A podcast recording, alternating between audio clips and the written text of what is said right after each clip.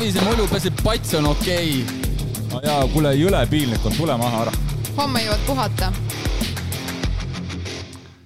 tere, sõbrad ja neid sõpru on meil täna siin palju, sest me oleme oma traditsioonilises sügise käärikulaagris, kus meid on kuulamas üle no ma tegelikult juba ütlesin, saatekülaline küsis, palju meid siis täna on siin, ma ütlesin kuuskümmend, natuke valetasin. Reelika ütles, et täpsustas, et nelikümmend kaheksa. ja, ja tere kõigile!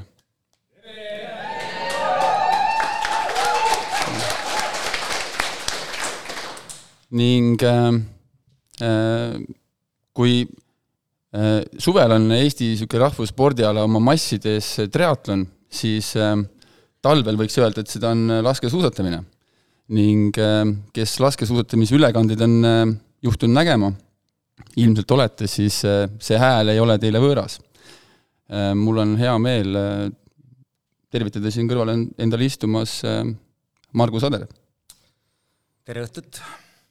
me oleme siin Käärikul, räägi, millal sa viimati sattusid siia? Käärikul olen ikka aastas mõned korrad käinud ja viimane kord vist oli seotud sellega, on selline sportlik üritus, mis on harrastajatele mõeldud, on raievõistlused ja meil õnnestus sel aastal siis raie mm teha Tartus kaks tuhat kakskümmend kolm, ma selle spordialaga olen seotud kahe tuhande viiendast, kui me alustasime sellises Sarapuu võpsikus, täna me saame rahva ees seda asja teha ja, ja need, kes nii-öelda mm, föderatsioonis istuvad siis Euroopas, need nähes seda, mida me siin tegime, ütlesid, et tulge korraldage meile Euroopas ka selliseid asju ja meie tegime siin Kääriku saunas, kus ma esimest korda käisin, tegime sellise lihtsalt kokkuvõtte ja see oli päevane üritus mm.. ja nüüd äh, teistpidi, kui sa mõtled, millis-, milline oli sinu esimene käik Käärikule või kokkupuude? millal see oli ja, ja milline see oli? kuna ma olen õppinud Otepää suusakoolis, ehk siis oli TSIK või äh, TSIK oli Otepääli filiaal, äh, see oli aastad üheksakümmend üks kuni üheksakümmend viis, siis me tihtipeale sõitsime Äh, suusakooli bussiga siia ja käisime siis Kekkose rajal äh, suusatamas ja lund otsimas. tihtipeale siin kuskil metsa vahel lund oli ja siis me siin tegime mingisuguseid selliseid toredaid äh, suusatehnilisi harjutusi.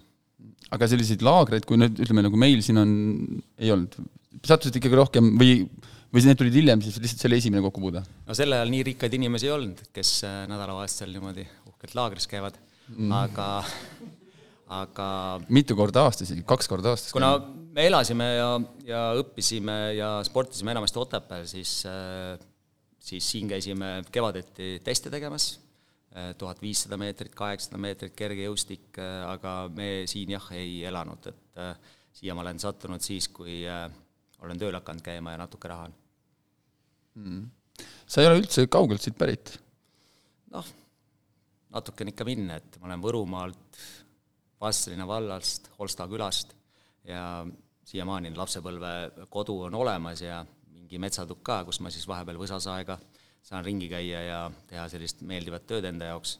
Ja samal ajal, kuna mulle maal meeldib, siis mul on üks maaonn veel, mis on siis Võru ja Põlva vahel, nii et Vana-Koiola on selline väike kohake, Katariina Teine muide tahtis sinna teha Võru linna, ehk et Katariina Teine eh, kõigepealt jõudis Vana-Koiola järve äärde kuhu laager püsti pandi, aga eelsalk liikus edasi, jõudis siis äh, Võrumaale ja nädal aega hiljem jõudis sealt tagasi, öeldi, et äh, lähme edasi, et see on liiga väike järv, et seal on vähe suurem. nii et täna mul on üks selline peidupaik siis Vana-Koiolas, nii et selles mõttes ma ei tea, kas ma olen kaugelt või lähedalt, aga, aga kõvasti peab ikkagi palli viskama, et sinna jõuda.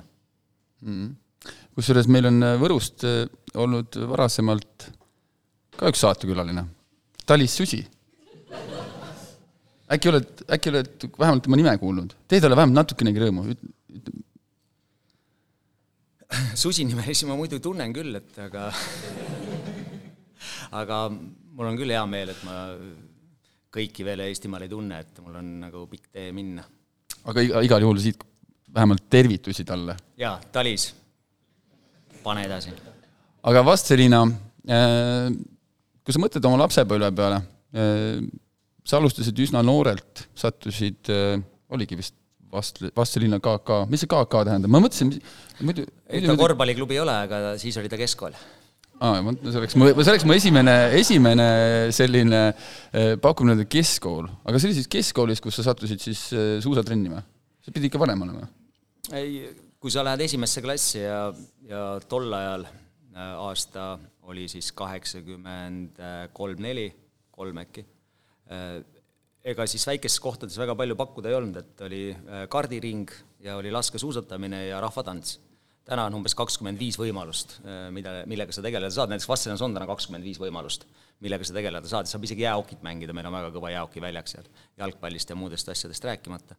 aga siis ei olnud väga palju muid võimalusi ja, ja kuna see laskesuusatamine oli minu jaoks vähemalt kõige mõnusam asi, millega sai tegeleda ja põhimõtteliselt klassis umbes kaheksakümmend kaheksa protsenti äh, klassikaaslastest käis ka laskesuusatamises, siis see oli väga loogiline valik ja kuna mu vend on minust kolm aastat vanem, Mati käis ka juba laskesuusatamises, siis ma sattusin laskesuusatamisse ja ja tihtipeale, mis meie selliseid valikuid äh, nagu mõjutavad, siis on ikkagi treenerid ja ja mul on väga suur au siiamaani, et äh, Ants Joonas ja Üllar Tähe olid minu treenerid ja, ja see oli vägev. sa said korraga endale teise isa ka või kaks.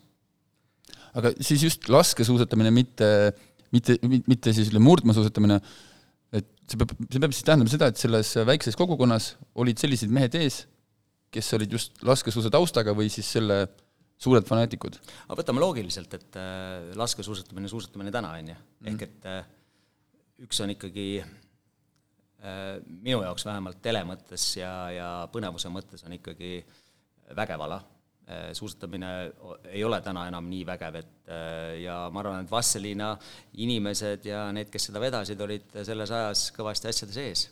ehk et tõepoolest kaheksakümne kolmandal, neljandal aastal laskesuustamine maailmas, neid ei lastud isegi olümpiamängudele ja maailmameistrivõistlused olid meestele ainult, aga aga sealt siis kümme aastat edasi, kui äh, Rahvusvaheline Alaliit siis otsustas eralduda moodsast viievõistlusest, kuna neile tundus, et see nii moodne ei ole ja nüüd on laskesuusatamine noh, seal, kus ta on ja moodne viievõistlus on ka kuskil. millised olid esimesed äh, laskesuusatrennid, pandi seina, seina, seinal laskmisest tühjalt plõksides või? kõigepealt sa ikkagi alustad niimoodi, et sul, äh, sa teed kuiva. ma, ma, ma mõtlesingi seda kuiva, jah. et kui sa satud, ükskõik mis eluvaldkonnas satud nagu otse asjade peale mm, -hmm. siis on ikka sul kõvasti vedanud, enne sa pead ikka kõvasti harjutama. et tuled tühjade kätega tagasi pidevalt, on see siis kalalkäik või kuskil mujal. et äh, esimesed treeningud ikkagi üldiselt äh, on sellised äh, üldised, et äh, jalgpall, korvpall, imitatsioonil ei tahtnud keegi kunagi osaleda, sest see imitatsioon tundus alati kõige raskem, aga me siis juba hakkasime imitatsiooni tegema, aga kuna tõesti Ants ja Üllar suutsid äh, oma sellise eeskujuga ja ma julgen väita ka väga selgete teadmistega ikkagi põnevaks selle asja kõik muuta, siis äh, sa tahtsid ise trenni minna ja ma arvan, et see on kõige nagu olulisem. kui sa tahad kuhugi minna, siis lõpuks ei ole väga vahet, mida sind tegema pannakse, aga kui sa juba tahad järgmine kord ka minna, siis tähendab, ükskõik, mida seal kohapeal tehakse, on põnev. aga see on ikkagi siis see, et me räägime, noh, millest räägitakse ka täna, on see, et see tuleb teha nagu mänguliseks. et see tuleb see, et, et see noor huvituks, et ta läheks sinna ja ta püsiks sinna, jääks sinna pidama ja küll ta ühel hetkel siis jõuab sinna selle ala juurde või selle spetsialiteedi juurde, kuhu ta siis jõuab, mis talle siis lõpuks tõesti on nagu nii-öelda mööda andekust ja, ja ka siis äh, lihtsalt huvi pakub? minu arvates äh, täna me väga paljudel spordialadel ja, ja treenerid ka nagu asju on ennetanud, ehk et nüüd oleme liikumas jälle sellesse õigesse kohta, et äh, et tõepoolest see põnevus, see lihtsalt, et, et sa pead ainult mõtlema selle peale, et see, see laps tahaks järgmine kord tulla. ma mõtlen, et täna on see eriti oluline. ja just, ja sealt äh, teed need oma järgmised tegevused. aga kui sa hakkad nagu mõtlema selle peale, et äh, ma tahan tast teha maakonnameistri, ma tahan tast teha maailmameistri, siis sa oled juba valel teel. Ehk et sinna nagu nii pikk teekond minna. no see paastab kõvasti hiljem. pigem ma arvan jah, et gümnaasiumiklassid, võib-olla gümnaasiumi isegi lõpuklassid on need koht, kus tegelikult äh, võib-olla kujuneb juba midagi välja, on ju. et ennem seda on ikkagi kõik noh, mängulisus või emotsioon või äh, sõpruskond, seal peab olema mingi sidusus hoopis teine. ja noh, kuna ma täna isiklikult treener ei ole, siis äh, ma täpselt ei tea, kuidas see nagu siin käib, aga ma ise kujutan ette, et ma pingutaks ainult selle nimel, et laps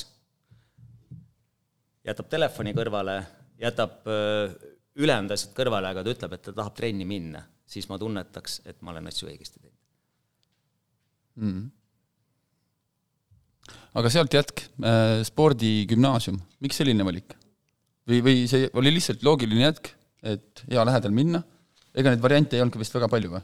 no Vastselinnast ikkagi tõe huvides ütlen, et umbes kuuskümmend kilomeetrit Otepääle, nii et, et see päris nagu ütleme, et naaberkinnistu ei olnud ja ega ma sellest tsikist või suusakoolist midagi ei teadnud ja, ja tegelikult ka treenerid tegelikult ei soosinud seda, selles mõttes, et kui sa kaheksandas klassis, kaheksandas klassis, noh, kui sa täna oma, kellel laps on kaheksandas klassis või siis sellises eas, mõtleb selle peale, et saata ta internaatkooli, kus ta põhimõtteliselt käib koolis, käib trennis, treenib äh, Äh, iga päev kaks korda nädalas on üks ühepäevane treening, äh, siis sa põhimõtteliselt saadad oma lapse juba nagu noh, hoopis teise keskkonda mm. -hmm. et äh, need riskid lapsevanematel, ma arvan, et väga paljudel hakkaks käed värisema, väga paljud ei julgeks seda teha, sest arvavad ikkagi, et parem on enda juures hoida. ja ma isegi väga täpselt ei mäleta, kust see idee tuli, aga, aga ma mäletan küll seda, et mu klassijuhataja Urve Jõesaar, keda kahjuks täna enam meie seas ei ole, oli suurepärane inimene, aga kui ma selle ideega välja tulin, noh, kuna ma tegelikult kuuenda klassini üldse praktiliselt ei rääkinud, noh, väga vähe, et, et see, et ma nüüd natuke rohkem olen hakanud rääkima, see on väike ime. oota, sa kartsid või, nagu täna või? ei, ma ei tea, lihtsalt mul klassiõed vahest ütlevad, et Margus, kuidas see võimalik on, et sa nüüd räägid nagu päris sa räägid nüüd need esimesed kuut aastat järgi siis, ma saan aru? ma ei tea, igal juhul tema lihtsalt ütles mulle, et ta ei tahtnud ka kuidagi, et ma läheks ja treener ka ei tahtnud, et ma läheks ja ja ma arvan, et mu vanemad ei teinud mingit otsust, tal, nad lasid mul otsustada ja kuna ma üksi äh, tundsin vist ühel hetkel, et äh, ma arvan, et see oli niimoodi, et ma päris üksi ei taha minna, sest päris õudseid lugusid räägiti äh, selle Tšiki kohta, et seal pidid ikkagi nagu Sparta kool. et siis ma võtsin ühe sõbra, ma lihtsalt pakkusin välja seal trennis, et kuule, et mul on plaan, et kas keegi tahab tulla. Siis Marek Sander, kes täna on siis Soome koondise hooldepealik, et Sander oli muidugi esimesena käsi püsti, et, et ta ka tuleb, on ju. Ja no siis oli suhteliselt lihtne otsus, et lähme, aga mm, kuna mingis mõttes kuus aastat minu elust nagu küll maakonna tasandil äh, kõik võistlused, kus ma startisin, väga vahet ei olnud, mis spordialal, ma jõudsin küll esikolmikutesse, aga aga vabariigi tasandil ega mul see tabavus väga hea ei olnud, et äh, ikkagi tavaliselt sprindis üheksa või kümme trahvi tuli, kui me käisime nii-öelda Võru poistega, käisime Otepääl võistlemas ja ma olin ikkagi seal suhteliselt tagapool, aga mingi seitsmendas klassis tõepoolest kuidagi, ma ei teagi, miks, aga need märgid hakkasid alla kukkuma. ja, ja sel ajal oli niimoodi, et oli ainult Dünamo meistrivõistlused Eesti meistrivõistlused, nii et sul oli võimalik äh, viis medalit äh, või siis äh, viis kulda hooaja peale võita. ja ma ei tea, kuidas, ma see hooaeg võitsin kõik, et olime Annimatsi laagris, käisime Dünamo omadel, võitsin ära, tulime Otepääle, kolmed Eestikad ära ja siis noh, seda enam nagu tundus küll, et tegelikult võiks nagu Otepääle minna, aga aga siis sai ikkagi julgus otsa ja ma ei läinud katsetele. et see oli vist, katsed olid juunikuus. ja ei läinud ja siis augustis äh, järgmised võistlused Otepääl ja siis astus äh, minu juurde äh, suusakooli treener Ants Sorosson ja tema nii-öelda teine treener siis Raini Pohlak. ja ütlesid, et kuule, et mis mõttes, et kuule, tule tsikki, on ju. et meil on nagu sinusugust meest väga vaja. ja siis ma ütlesin, et ma ei saa ju tulla, et mul on katsed tegemata.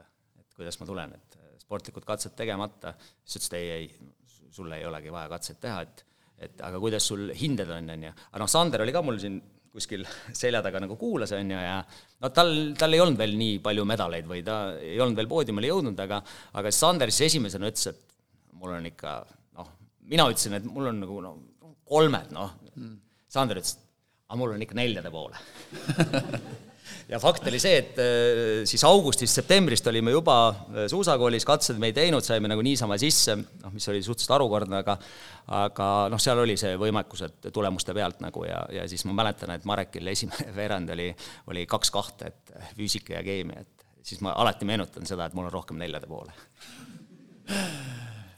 aga oled sa hiljem analüüsinud, et äh, miks ühelt maalt hakkasid märgid alla tulema, kas, kui me muidu võime rääkida sellest, et inimesed arenevad, noh, nüüd lapsed, noored arenevad erineval ajal, kas see võib olla kuidagi niisugune tähelepanuga või see, ütleme, niisuguse keskendumisvõimega või selline, et ühel hetkel ma suudan keskenduda piisavalt, et see harjutatud tegevus, see hakkab ka vilja kandma.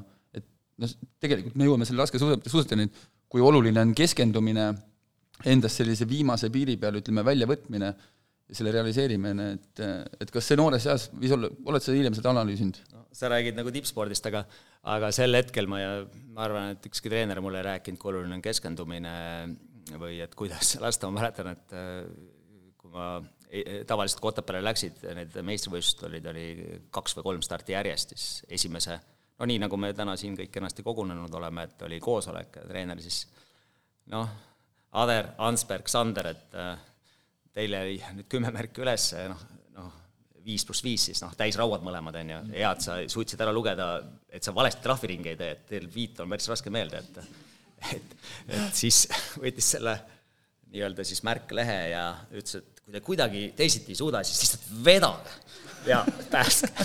siis mul jäi nagu, noh, see oligi see, et noh, et hoidke kuidagi märgi peal seda ja, ja siis kuidagi proovige, aga aga ma lõpuks ikkagi arvan seda, et kui sa algul alustad niimoodi, et äh, sa teed kuiva, siis sa näed relva siis me tegime jooksuvõistluseid niimoodi, et muidu oli must moon, ehk et äh, see äh, nii-öelda padrunid kõik teavad, on ju, et siis on see padrunihüls või, või kest ja siis on tina ees et muidu lasti musta moona, sest see must moon oli nii palju odavam, aga oli ka kuldne moon, mida lasid siis koondise mehed. ja siis äh, ma mäletan neid äh, jooksukrossi võistlusi, mida tehti siis äh, nii-öelda treeningu sees, et võitja viis saab lasta, teine kolm ja kolmas ühe. See oli selline motivatsioon, see oli uskumatu. mis oli, mis oli peale värvi siis see vahe? ei, ei värv oligi, aga lihtsalt see oli koondise mehed lasid seda ainult, sest see oligi, see oli kuldne, see oli kuldne, aga no muidugi tegelikult seal vahet sisulist ei ole, aga üks oli must, üks oli kuldne. Ja need kuldsed olid siis eraldi raamis, et nad olid eraldi üheviised, see mustad olid nagu kokku surutud, on ju. aga no siis, noh, kuna ma olin suhteliselt väle, ma panin selle võistluse jälle kinni ja kujuta ette, siis nüüd trennis oli mingi kolmkümmend noh, veel kaaslast, on ju, ja siis, kui ma kulda hakkasin laskma siis kõik tulid ümber minu, siis nad tahtsid näha, kuidas see kuld sinna reaalselt torusse pannakse, noh. ja, ja see oligi, see oli nagu, tegelikult see oli ulmeline, mille, mille nimel sa olid nõus, nagu see motivatsioon kandis nii kõvasti. et ja siis kõik ka tahtsid näha seda. noh, kuna ta ise lasta ei saanud, mina sain viis lasta, on ju, ega see lõpuks ei olnud vahet, kas see kukkus või, aga usk sellesse, et kui sa kulda lased, see oli ikka ulme, see oli ulme aga ega selle motivatsiooni vist tabasid ilmselt treenerid ka ära või? no ma ei tea, võib-olla ei olnud neid muid vahendeid, kuidas seda motiveerida, aga eks elu läks nagu edasi ja need järgmised asjad tulid, aga, aga noh, siis ma ütlen, et need hetked ka tulid, kus rivistati kõik ülesse ja kui sa, noh, meil oli alati see, et äh, suusatamine versus laskesuusatamine Võrumaal oli ikkagi äh, Laur Luukin, väga lugupeetud treener, mina noh, ma ütlen, et mul on alati nagu Äh, ühtepidi treeneritega saan super hästi läbi ja samal ajal õnneks on ka selliseid kõvasid konflikte, on ju, aga me kuidagi ikkagi lõpuks oleme sõbrad kõik igas mõttes, et mitte nii, et ma ajan ainult oma asja kuskile, aga no ikka mingeid asju tekib, aga äh, kui sa Lauri, noh, suusatajaid võitsid maakonna meistrivõistlusel, siis rivistati kogu Võru laskesuusatamine ülesse ja Ants tuli ette, võttis siis noh, no muidu ma sõitsin selliste puusuuskadega, noh reaalselt meil oli niimoodi, et kui ma alustasin, siis äh, kui te võtate suusa, siis tegelikult noh, kuna sa olid suht lühike, noh, nagu ikka laps, esimene, teine, kolmas klass, siis kui vanadel noh, karhud ja mingid asjad tagant tuli, vaata plastik lahti, siis reaalselt äh, treener võttis rauasae ja lõikas sealt tagumise otsa maha ja ettepoole panin klamber ja need olid meie suusad ja reaalselt panidki niimoodi. ja noh, siis ühel hetkel, kui sa hakkad pikki suuski saama, kõigepealt puusuusad, siis touringud ja, ja siis ma panin kuuendas klassis äh, kaks kilomeetrit murdmaa Laur Luukin omadele ära nende kuradi poolplastikutega, nendel olid juba kõik plastikud all. ja ma panin mingi kaksteist sekundit ära, mul see diplom alles, kuus null kaks oli aeg ja ei, oli, oli. okei okay,, ma usun, sul on see alles, ma usun, et sul on alles. ja siis see oli nagu, rivistati kõik ülesse ja no kuna mul oli väike hüüdnimi, oli Väike Volli, et mul vend oli Suur Volli ja siis, et äh, väike Volli ja siis vend võttis kile seest need Estoniad. Ja saad aru, meil oli ju niimoodi, et oli vanematest nooremati, et sa seisid ka niimoodi. ja siis sealt tagumisest kõige noorem vend kutsus ette kõige ette, see oli nii suur au, sa said need Estoniat. see oli müstika, see tase tõusis kohe nii palju, noh, selles mõttes, et muidu sõitis puusuuskadega mm.. aga kuna see preemiasüsteem töötas siis nii palju, ma mäletan, Ants Joonasel oli niimoodi, et meil oli laager, me tegime alati ise süüa.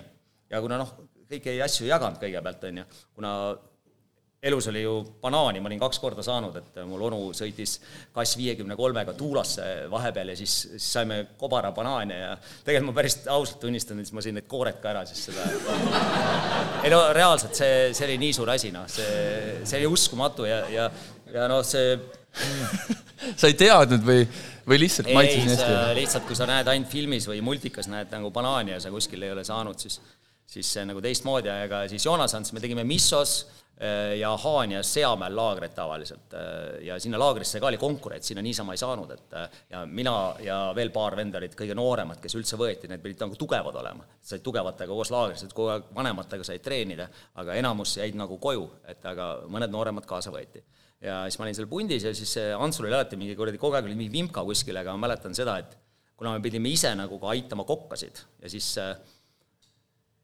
Ants ütleb, et äh, nii, kes tahab banaane viilida? no kujuta ette, banaan, ma rääkisin just, mis ma banaanidest arvasin, on ju, käsi püsti raisk, no ebareaalne. Ja noh, see tema jaoks tähendas see kartuli koorimist, noh. ja kujuta ette nüüd kuradi kuuekümnele inimesele kartulit koorida, on ju, noh, tõmbasid seal niimoodi käed villis, on ju, ja no aga me pidime tegema päris palju laagrites tööd, et, et meil oleks toit laual, mida sai, noh, mustikaid korjata, et mustikavahtu saada, et aidata seal koolidirektorid, ma olen neid kraave ka kaevanud, noh, ma, mina väga palju kraave ka, ma ulatasin vanematele meestele joogipudelit ülevalt, on ju, aga me pidime kogu aeg tööd tegema, Ants hoolitses selle eest, et, et sa ei jää elu lõpuni sportlaseks. ja ta ütles nagu põhimõtteliselt kõigile, teist ei saa kunagi tippsportlast, aga ehitaja saab sinust aga meil on ka täna neid tippsportlasi, kes äh, võid täna, on endiseid tippsportlasi, keda sa võid ehitusplatsil kohata. ja ilmselt on ka võib-olla siis neile see põhi võib-olla sarnaselt antud, et, äh, et neil on vähemalt need oskused olemas, võib-olla on siis kuskilt mujalt see tulnud, aga aga igasugune muu oskus sinna juurde on ainult pluss. siia sõites muide, ma olin kaks kilomeetrit Tartust väljas ja hakkasin mõtlema natuke selle peale, et et mis sportlase nii-öelda peale sporti, kui ta spordi ära lõpetab, kuidas saab hinnata seda, et kas ta oma sportlaskarjääris ebaõnnestus või õnnestus? et hoolimata sellest, kas sul on äh, olümpiakuld või sul ei ole. et mis see nagu mõõdupuu võiks olla? siis ma mõtlesin ühe asja peale. mõtlesin, et äh, tihtipeale mõned sportlased kas tal on medal või tal ei ole medal, aga kui ta on seda süsteemi teinud, ehk et sa oled olnud A-koondis, sa oled MM-idel käinud, oled jõudnud olümpiamängudele, aga igal juhul oled sa treeninud sellise eesmärgi nimel. et kuhu see mõõdupuu siis tõmmata? et me hindame nagu sportlast ainult läbi medalite, aga äkki me peaks hakkama hindama ka järgmise mõõdupuu tõukama kaugemale ja mõtlema selle peale, mis on sellest inimesest saanud hiljem Kas... ma oleks seda ise praegu toonud. okei okay.. et mis, mis, mida ta on andnud oma, peale oma, oma sportlaskarjääri võib-olla ühiskonnale veel edasi? E, üks asi on see, et kas ta andis edasi, aga kas ta ise hakkama saab. kas ta ise hakkama saab, ehk et mida ma tahan nagu öelda, et on see, et väga paljud äh, sportlased, kes ei jõudnud olümpiakullani, aga nad no neid on suur enamik. aga enamus. nad olid väga andekad, aga midagi jäi puudu. aga nüüd võtame selle teise mõõdupuu ja hindame natuke hiljem neid, ehk et siin sa eksisid, noh, tegid midagi valesti. aga nüüd sa oled õppinud vigadest ja sa liigud nagu, nagu edasi nüüd hoopis teise hooga. ja nüüd sa oled jõudnud kuhugi ja nüüd see teine, kes liikus siin, ja see ei suuda siit enam mitte midagi. ehk et minu jaoks on nagu see, et äh, lõpuks tuleb elus ka hakkama saada. ja aga ma olen mõelnud selle peale teinekord, et miks mõni sportlane ei oska ära lõpetada. see võib olla ka see hirm, et aga mis ma siis edasi teen, ma ei ole elus mitte midagi muud teinud kui ainult sporti, täpselt seda, mis tippspordi juurde kuulub. no ütleme, et sellele küsimusele tegelikult on suhteliselt lihtsam vastata, sellepärast et see on sama hea, et äh, sulle kooselu ei sobi, aga miks sa minema ei kõnni mm.? või vastupidi. või sulle toit ei sobi, noh, tegelikult üldse ei sobi, mõni tõuseb püsti, viskab selle minema ja nii edasi, ehk et sa reageerud nagu, et sa annad kohe nagu vastuse, mõni reageerib kohe mingitele asjadele või leiab, et äh, kuidas ma ütlen, see vastus tuleb sinust endast. tippspordi puhul on sama, mina võin öelda vabalt, et äh, ma oleks pidanud enda jaoks tippspordi lõpetama siis, kui ma tegin äh, peale juunioride iga veel kaks aastat, ehk et juunioride eas ma võitsin EM-ilt medali, ma MM-ilt jäi nip-, napilt puudu, olin seitsmes, olin kümnes, olin ühes, need, kellega ma võistlesin, Vincent Defran, Jay Häkkinen, Aleksander Wolf, Torsten Tran, need jõudsid tegelikult maailmakarikasarjas, Defrane võitis olümpiavõit, mina sain nendega hakkama.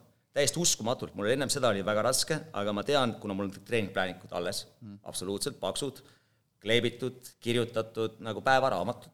ja, ja ma tean, miks see oli ja mis juhtus siis, aga mul ei olnud oskust, teadmist ja sel hetkel võib-olla ei olnud ka treenerit, täna on nagu see datasüsteem on nagu nii palju parem, arstid on nii palju targemad, et nad saavad öelda, kui sul ikkagi vasak-vatsake on kutu, on ju. ehk sa tegid näiteks äh, peale juunioriea, noh, sa kujuta ette, et sul korraga öeldakse, et Margus, mis sa soovid? palk, saad töökoha. auto, see on aasta üheksakümmend seitse minu jaoks. ja sa saad iga kuu nagu raha reaalselt arvele. noh, tegelikult reaalselt hakkas käed väris, ma mõtlesin, et see ei ole võimalik ja siis ainuke asi, kui sa oled nagu igal juhul motiveeritud elus midagi tegema, siis mida sa saad teha oma kahe jalaga, kahe käega, on töö. ja ma hakkasin lihtsalt hullumeelselt treenima. mõtlesin, et mis nalja teete või?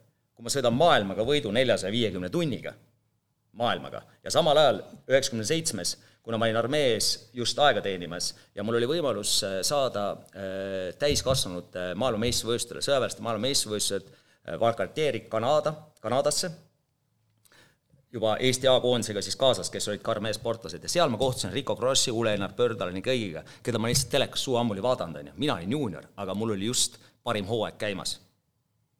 ja kurat, ma kaotasin Pördalani kahekümne peal, ma polnud elus kahtekümmend sõitnud. enamus arvas, et äh, ei tea, Ader vist ei jõua läbigi sõita, on ju. ja aga vaata, seal nagu hakkab see, kus sa saad aru, kas sul on võimeid või ei ole. sa lihtsalt lähed stardist minema, kolme peal tuleb esimene vaheaeg, et ja need vaheajad on kõik meeldivad siis sa jõuad mingi seitsmeteistkümnendale, vaatad, kurat, ma ei ole väsinud, ma saan juurde panna. siis sa oledki kõva. aga kui sa hakkad põdema juba esimesest äh, nii-öelda vahepunktist, kus on sul juba punane põhjas, ükskõik, mida sa algul teinud oled, siis on kutu nagunii. siis sa ei ole, siis sinust ei tule ka. aga täna me, ma olen laskesuusataja, laskesuusatamise päris suur fänn. no tõesti, mulle väga meeldib ja, ja, ja just seda juttu, mida sina praegu just räägid täpselt just see nii-öelda, täpselt see viimased öö, laused, seda me näeme täna laskesuusatamises väga palju. ma ei saanud oma laused ära lõpetada, et äh, ma tahaks selle ära lõpetada selle vabandust, kuulajad! ma tahaks lõpetada selle koha pealt ära, et kui sa sattusid reaalselt, stopper pandi käima, stopper pandi kinni, sul oli kohal maailma paremik, Pördalen, Kross ja teised, ütleme seal kaheksakümmend prossa kohal. Enamus on, kuuluvad Kaitseväe ridadesse, kas tolli või politsei või, või Kaitseväe ridadesse ja mul oli parim hooaeg käimas, ma juuniorides olin, ütleme, top kuue vend nelja võistluse peale. Ja nii lasketabavusest kui las-, sõidukiirusest top kümne vend. Et aga ennem, kui sa MM-ile läksid, sul mitte mingit e-, ettekujutust, ma käin, ma olin kaks nädalat enne MM-i Hämeenlinnas tänu Urmas Kaldveele, Roland Essinguga, läksime Soome katsevõistlustele, meistrivõistlustele ja ma panin need mõlemad päevad kinni. ja teine oli Jussi Mägela kes oli selgelt välja öelnud, et ta läheb äh, maailmameistrivõistluste medali peale ja Soome mingi noh, kohalik Hämeenlinna kohalik ajaleht tegi minuga intervjuu, ütles, et mis koha peale te lähete, mis teil mõtted on? kuna meil oli Itaalias mm, ütlesin, ma ei tea, et kurat, äkki tahaks kolmekümne hulka tulla, on ju. siis ta ütles, et saite kaks päeva siin Jussi Mägelast nagu kergelt jagu, et äh, see mees läheb medali peale. ja, ja reaalselt oli ajakirjanik teadis sel roh-, hetkel rohkem kui mina. ma panin selgelt kinni nii laskmise kui sõidu koha pealt, kõik oli stabiilne, on ju ja läksingi siis sinna Itaaliasse, no siis ei olnud niimoodi, et sa oled kaks nädalat ennem laagris, nagu täna kõik räägivad, et mäed annavad mingi kuradi võimu. siis kuradi, me läksime kolm päeva ennem kohale, noh, ütleme nii, et äh, kahe peal oli ka neli paari suuski, on ju, et ühe sain õemehe käest, õemees, mul Janno Prants ka endine laskesuusataja, Janno andis ka ühe paari, mul oli ka teine paar, noh, testisime niimoodi, et äh, tegime rolliga kahekesi suusad, vaatasime, milline läheb paremini, üks võttis ühe paari, teine teise, on ju, ja kui sa rajale said, vaatasid, täitsa lõpp, noh, vaatasid suurde ekraani, et top kolme mees, noh, viimasest tiirust püsti märk, tõusis niimoodi, see oli vana süsteem veel, tõusis niimoodi ja ma vaatasin, kukub ära, oleks maailmameister. ja kukkus raisk tagasi. Poole kuuliga, poole kuuliga, poole kuuliga, ei, siis sain, MM-il olin seitsmes ah,. aga siis kohe nädal aega hiljem tuli EM, seal ma lasin need nullid ära, siis olin kolmas. aga, aga ma, ma, ma teadsin, mismoodi see käib, siis ma arenesin ainult sel hetkel. see, et keegi jagab, et kui kõva sa oled, ma, ma ei kujuta ette, kuidas see üldse käib. aga sa pead käima reaalselt selles, aga kui ma nüüd sinna kahekümne peale jõudsin, tegin selle kõik läbi mu kaotus oli Pördalale, ma arvan, mingi kaks kümme, kaks minutit kümme sekundit.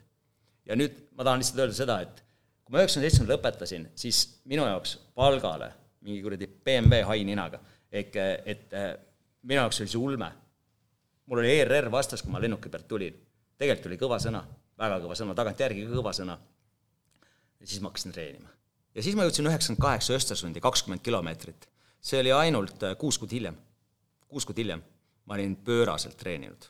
ja ma tean täpselt, kuidas ma tegin ja mida ma ei teinud. ja ma sain pöördaalenilt kahekümne peal neli viiskümmend. ma oleks öelnud viis minutit. no peaaegu viis, neli viiskümmend. must oli jäänud järele põhimõtteliselt ahelvare. ja kuidas sa sellest siis, sul treenerit ei ole, sul arst ei ütle, sa, ütleme nii, et sportlane on tegelikult üsna kaitsetu sel hetkel.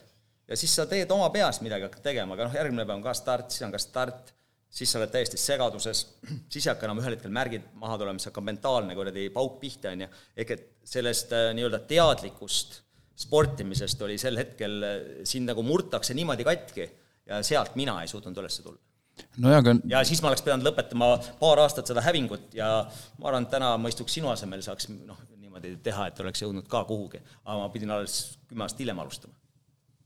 see oli kaotatud aeg, mida ma tahan öelda, kümme aastat ma vist kolmkümmend üks äkki olin, kui ma sain ikkagi nii targaks, et Margus, et mine tööle. aga kas see kõik oli siis treenerite puudumine või niisugune teadmiste puudumine, saan aru? no vaata, kuna, kui kellelgi on tohutu tahtejõud, ma arvan, siin saalis on piisavalt inimesi, kellel on tohutu tahtejõud, kes tahab raha teenida kõvasti, kes sporti teha. seda ei ole võimalik. mina lihtsalt küsin, et kuidas on neid inimesi võimalik peatada. väga keeruline, väga keeruline mul on hea näide, maailma parim, Johannes Tinnes Pöö. kuna ma pean teid tihti kommenteerima, siis ma loen üsna põhjalikult, mis, kus või kuidas, on ju, siis mõlemad peatreenerid äh, Norra koondisel, nii äh, Masee kui äh, Kristjansen, on tegelikult pööraselt pahased ta peale ühtepidi. sest ta ta teeb, mis ta tahab? ta teeb, mis ta tahab, tal ei ole pulsikella, tal ei ole treeningpäevikut, sellest ei võikski rääkida, noh selles mõttes, et see, kõik treenerid ju, kõik tarkus ju noh, kõik oleks töötud ju põhimõtteliselt noh. Kui tuleks see välja, et tegelikult, et äh, mida te jälgite, mida te mõtlete, et äh, tehke nii, nagu te tunnete. ja see mees lihtsalt suudab seda, aga kui tema nagu karjääri jälgida, siis on tal põhimõtteliselt nendes samades asjades, mis ma räägin, tal peale gümnaasiumi samamoodi, ta oli tegelikult gümnaasium viimases klassis, kus ta pani murdma pikalt kinni kus ta võitis kõik, mis võtta sai, nelja, nelja trahviga võidab meistritiitli Norras, seal on ikkagi tuhatkond venda peal sel hetkel. noh, ta ise ka raamatus sellest kirjutab. Et äh, siis sa hakkadki tundma, et sa oled ju kõikvõimas. ja siis korraga tuleb sul äh, A-koondise treeneri kõne, sa ei ole veel meheks saanudki. kuule, et John, et äkki liituda, on ju. noh, vennas ka juba sees, on ju. tema eesmärk on ju, et vennast nagu paremaks saada, aga sulle helistab nagu A-koondise peatreener, et liitu no ja, ja sel hetkel, kuna kooli lõpp, tavalised eksamid, sul on mentaalne väga kõva pinge peal ja, ja siis kõik see füüsiline pinge, ehk see pinge, et ta sai aru, et nüüd on vaja juurde hakata panema. ja ta pani juurde, aga kus ta lõpetas? ta jättis aasta vahele praktiliselt. Tarje Pöö samamoodi vennas jättis aasta vahele. aga nende pluss on see, ma, mida ma tahangi väita tihtipeale, et kui meil on üldse Anne siin Eestis, on ju, kindlasti on andekaid, siis temal on nagu tohutu anne et kui see anne nagu katki läheb, vaata siis me oleme kaotanud jälle pika, pika sellise aja, sest meil ei ole nagu selja taga nagu järjest tulemas Norras, nagu seda on, nad saavad lubada, et ka anne katki läheb, ei juhtu midagi. aga meil anne katki läheb, siis on meil võib-olla neli-viis-kuus aastat on tühi maa lihtsalt. sa võid ju ennast äh, põhimõtteliselt, noh, ma ei taha öelda, et ärge treenige, on ju, aga tippspordi mõttes on see, et see on täielik ju, sul peab olema loodus andnud nagu kõvasti, väga kõvasti ja siis peab siin ka olema ja siis kõik see muu peab nagu toetama. aga nemad saavad sellest kiiresti aru, ega Läägreid samamoodi jättis aasta vahele ju. seal ikkagi tullakse, öeldakse, et sõber, mina jätsin kaks-kolm päeva vahele. Mul, mul oli kogu aeg väike palavik, ma tean väga hästi, ma käisin vereproove asju tegemas, ma nägin, kuidas verepilt lõhutakse ära. sul hematokriit, eh, hemoglobiin, kõik kukub alla, su immuunsussüsteem lõhutakse jumala alla. aga tegelikult väga kellegagi rääkida ei olnud. sa võin tagantjärgi seda analüüsida lihtsalt et äh, aga, aga, aga kõik tulemused räägivad seda keelt, mis tegelikult äh, noh, nii-öelda data näitab. Aga, aga norralaste ja ma arvan, et ka väga paljude muude spordiriikide nagu tase on lihtsalt see, et nad saavad nende vigadele palju kiiremini läheda, lähe, lähemale ja see taastumisaeg, mida meie arvame, et äh, see läheb kiiresti üle, on ju, on tegelikult palju pikem. et see on nagu see, et noh, mina kaks päeva võtsin vähe rahulikumalt, tassisin kodus vett ja puid ja, ja mõtlesin, see on treening ja siis panin edasi, noh, aga sa põhimõtteliselt kui sportlane noh, alustab treeninguid, siis sa vaikselt äh, võiksid nagu superkombinatsiooni hektil liikuda lõpuks üles, on ju. Aga, aga mis juhtub, juhtub tegelikult see, et sa treenid sa heal juhul hoiad. sa, sa hoiad, aga tegelikult sa liigud kogu aeg allapoole, on ju. aga millal aru, aru saadakse? kui isegi tervise järgi ei anna immuunsüsteem, ehk et sa ei jää lihtsalt haigeks. ma lihtsalt tahangi väita, et tegelikult need, kellel ütleme, et äh, on nagu spordi mõttes tohutu anne, ma ise nagu praegu kujutan küll ette, aga nad on üsna õrnad, nad on liiga õrnad. et see tarkus, kuidas sa seda oma äh, nii-öelda siis koormusi suudad panna, need never ei kannata suuri koormusi. näiteks Pöö näidud on umbes seitsesada tundi, lagi, ta ütleb, et üle kahe tunnist treeninguid ei tee. ja ta ei saa väga aru, kuidas on võimalik nagu pikemalt treenida, aga nüüd, kui ta räägib Norra kontekstis seda, nüüd enamus teavad ju, teised vennad ju panevad ju noh, ja, ja see vend lihtsalt tuleb jälle ja tal ei ole ju midagi ja jälle võidab, on ju. see tekitab ju täiesti nagu harukordse olukorra, on ju, selles mõttes, et äh, treenerid ju ikkagi pressivad seda, et tuleb nagu teha, aga, aga nüüd tänu temale suudetakse jälle, nemad suudavad seda pilti nagu muuta, vaata. et noh, selles mõttes see on nagu üsna keeruline, aga immuunsüsteem on tegelikult see mäng, kui palju sa treenid ja kui tugevaks saad, see immuunsüsteem igal juhul sulab sul seal kokku sinna ääre peale jah. Äh, no Pöö puhul on nagu see, et äh, see muu maailm paneb imestama, muu, muu maailm imestab siis seda, et kuidas on see võimalik, et see ei saa olla, see ei saa olla puhas sportlane, see ei saa olla, see ei saa olla reaalne. et inimene võtabki aja maha, läheb oma perega kuhugi mäge, mäge, mägedesse, teeb oma ette, ühel hetkel tuleb sinna lasketiiru, võtab natuke hoo ülesse ja vajal, vajalikul hetkel on jälle see mees, kes särgid püksi paneb. no tema on tihtipeale see mees, kes mägedesse ei lähe tema ütleb, no Norras on neid mägesid piisavalt. aga ta, tema ütleb, et ta rahupaik on ainult kodus, kus ta ei pea mitte midagi nagu tegema, et Tarje ja, ja Pöö on selles mõttes erinevad, aga miks me üldse nagu staaridest räägime, ainult sellepärast, et meid huvitab see, et eliit on ju, ega tegelikult me võime muu, muudest valdkondadest ka rääkida, aga me räägime selle sellest, et kuhu sa oleks võinud jõuda. ei, noh, ütleme nii, et mul on lihtsalt hea meel selle üle, et ma kolistasin, ma sain tunda see, mis tähendab seda, et kui sa ei tea, kui tugev sa võid olla.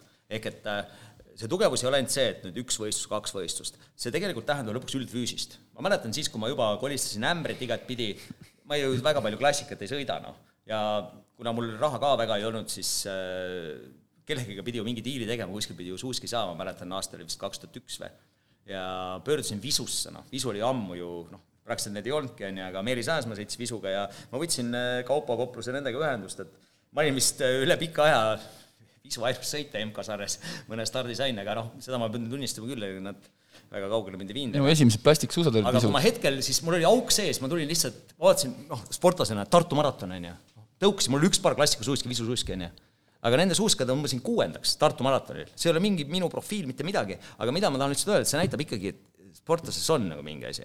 ja kui ma olin nagu noorem tsikis, A-klass, juunior, ma võtsin ju ka murdmaa meistritiitlit kahe minutiga noh, vabatehnikas. Noh, see näitab ikkagi, et mingi anne mul oli, mägede jooksud, kus ei olnud noh, ütleme, et suusata ainult kohal, laskesuusat, seal olid jooksjad ka kohal. et kogu Ida-Virumaa tuli meil Tehvandi jooksule ja jõulumäele. A-klassis ja juuniorist mina võitsin kõik need.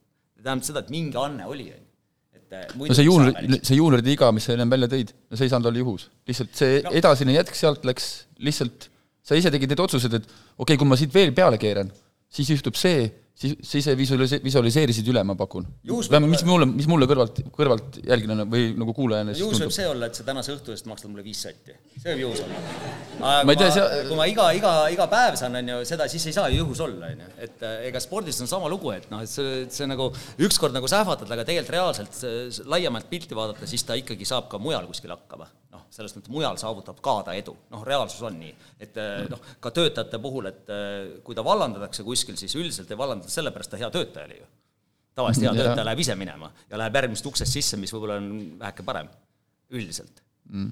et, eh, et ma lihtsalt seda mõtlen, et seda laiemat pilti tuleb nagu hoomata, aga, aga jah, kui sa spordis enda võib-olla sellel kõige tähtsamal hetkel, ma arvan, et see täpselt on seal, ütleme, et seitseteist kuni kakskümmend üks, kui sa seal enda katki ära teed ja väga katki teed, siis sa ikkagi sealt enam välja ei roni.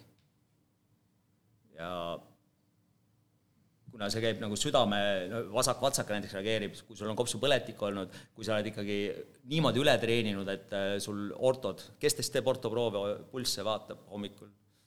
on keegi, käsi püsti? palju pulsid on hommikul?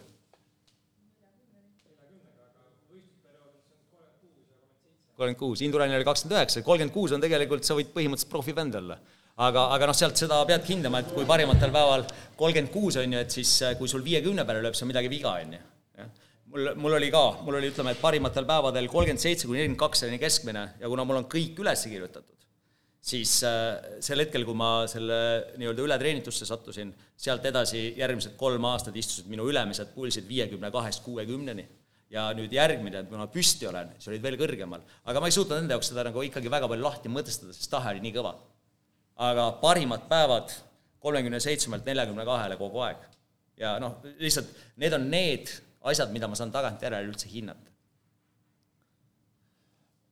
Äh, tagantjärgi hindamiseks, mis sa täna mõt-, ütleme, siin diskussiooniks läks, et kellel, kas keegi jälgib pulssi või või, või mida te sellest välja oskate lugeda, siis treeningpäevikud et kas sa täna näeksid seda, et siin on suur hulk inimesi kuulamas, kes teevad kestvussporti, needsamad asjad, mis me siin räägime, on, on nagu väga sellised lihtsad asjad juhtuma, kui asju valesti hinnata või, või käituda, siis eh, treeningpäevikute selline olu-, olemasole, olemasolu, selle selline pidev, pidev siis täitmine ja hilisem analüüs, kui oluline see võiks olla?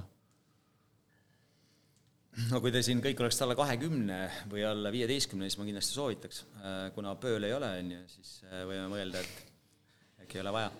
aga ma ei tea, ma arvan, et äh, kui ma oleks harrastussportlane täna, siis mingi plaan peaks mul kogu aeg olema, aga ma teeks ainult kogu sporti, ma täna ka teen, et ma teen ainult enda nagu sellise, mul peab hea tunne olema, ehk et reaalselt ma pean, ma mõtlen niimoodi, et ma pean olema iga päev sellises vormis, et ma suudaks igapäevaelu elada niimoodi, kuidas ma seda elada tahan.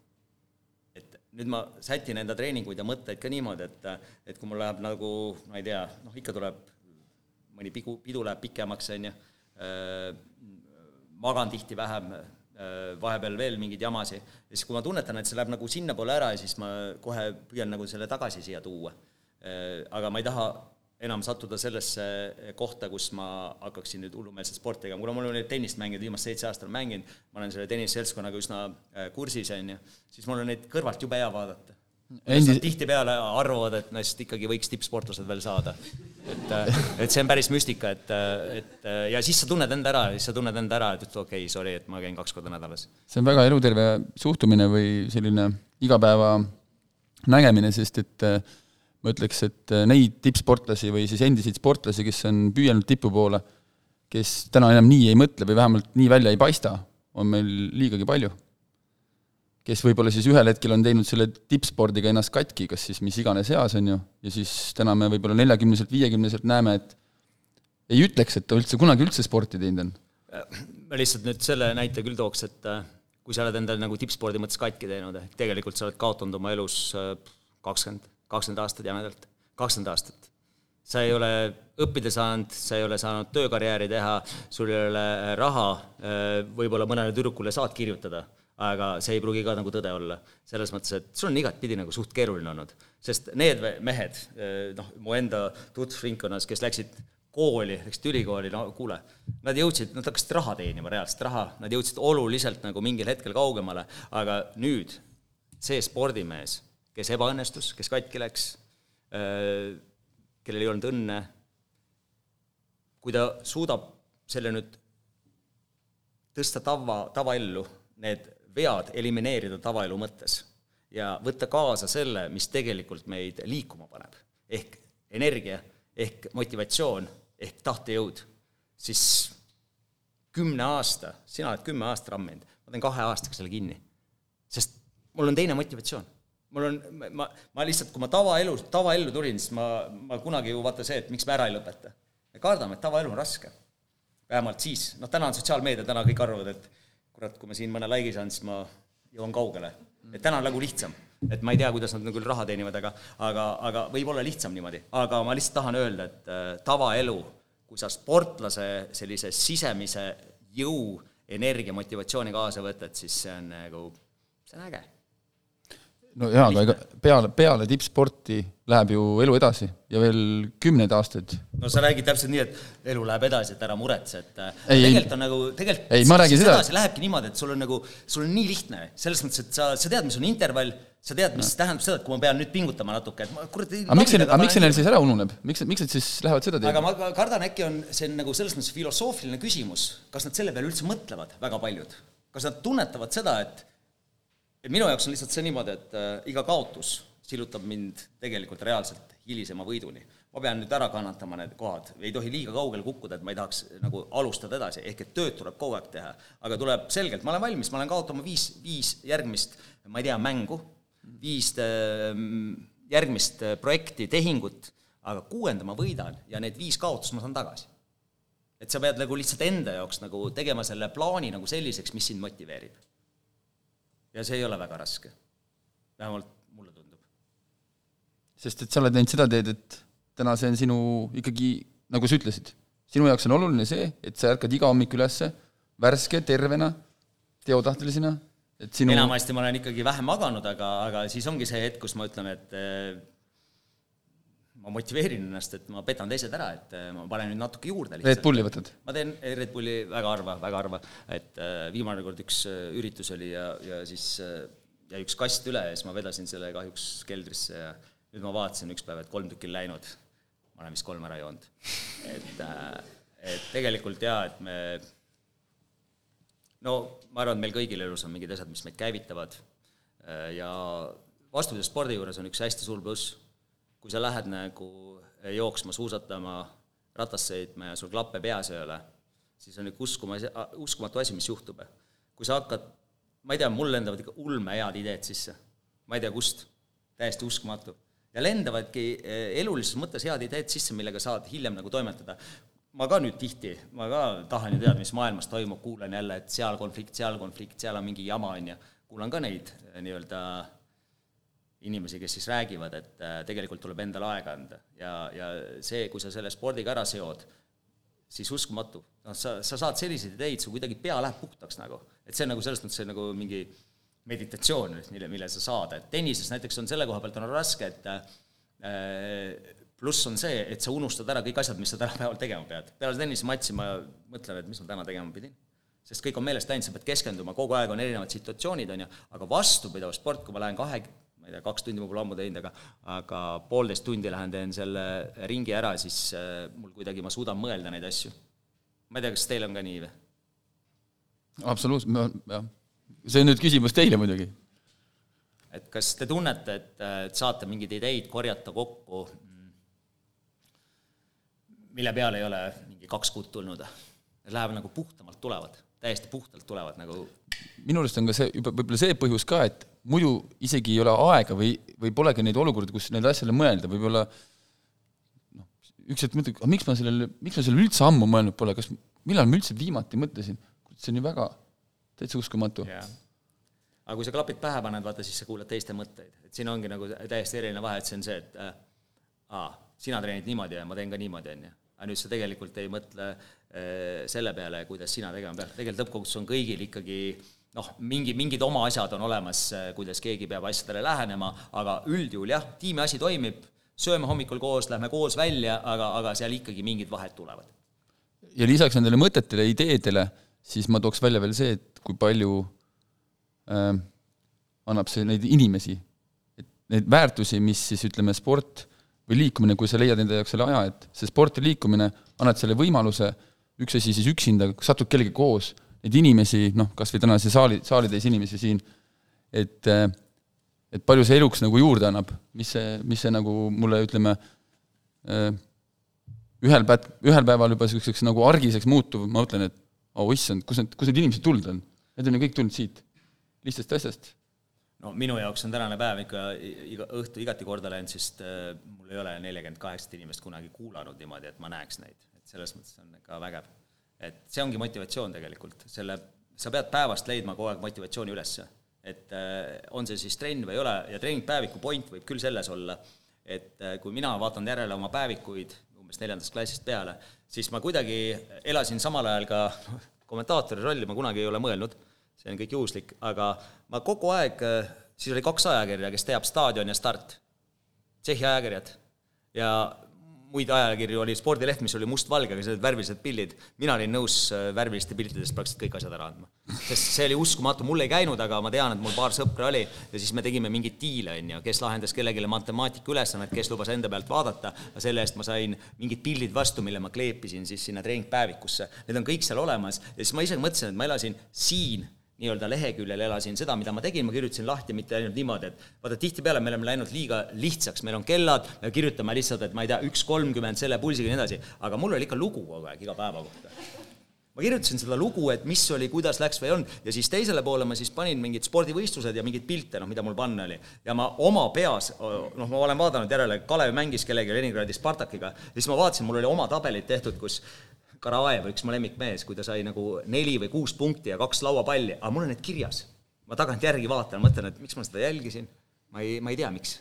aga need on mul seal päevikutes olemas, et selles mõttes ja siis, kuna emotsiooni ellu tekib ikkagi siis, kas sa võidad või sa kaotad. ja kui sul ühel hetkel siis oli võiduaasta ja siis tuleb see kaotuste aasta ja siis see jutt muutub järjest nagu sellisemaks äh, põnevaks kui sa tagantjärgi loed, mõtled, kurat, täitsa uskumatu, ma kirjutasin siis. ehk et treeningpäeviku mõte võiks selles olla, et äh, kirjutage niimoodi, et kui te kahekümne aasta pärast loete, on päris põnev.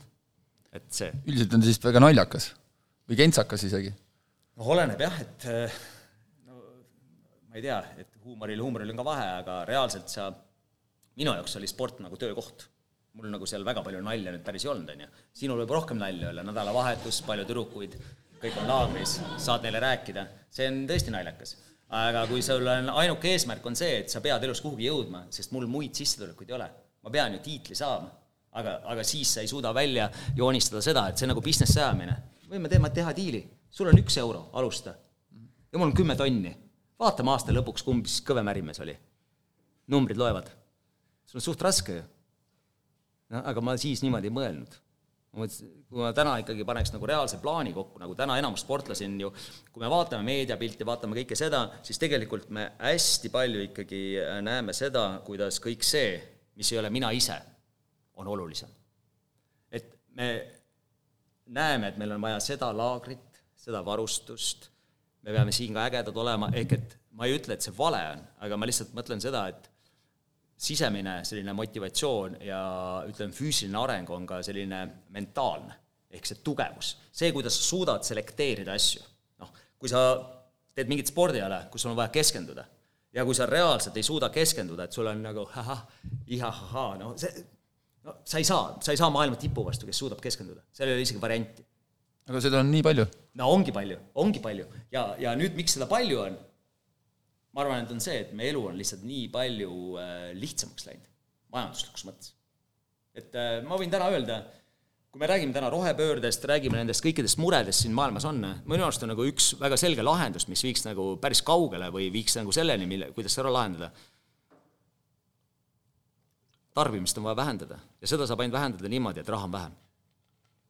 ma ei tea, kuidas teisiti.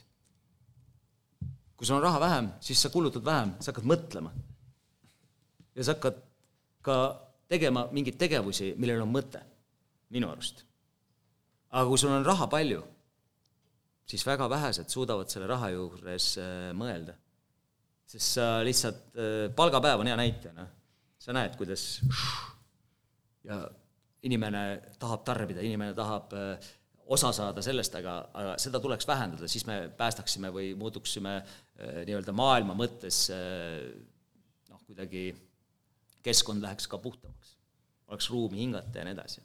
et aga kui me ikkagi kõike tahame omada, kõike tarbida, siis see tuleb tegelikult reaalselt millegi arvelt. ei ole midagi võimalik toota niimoodi, et mingisuguseid asju ei jääks järgi. noh, ei ole võimalik.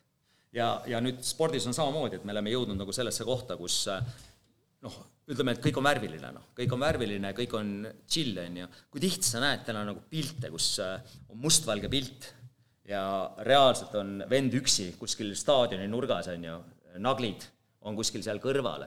et pigem näed jälle mingit värvilist pilti, noh, selles mõttes ma kaotasin, aga tegelikult ma olen võitja, sõbrad, noh.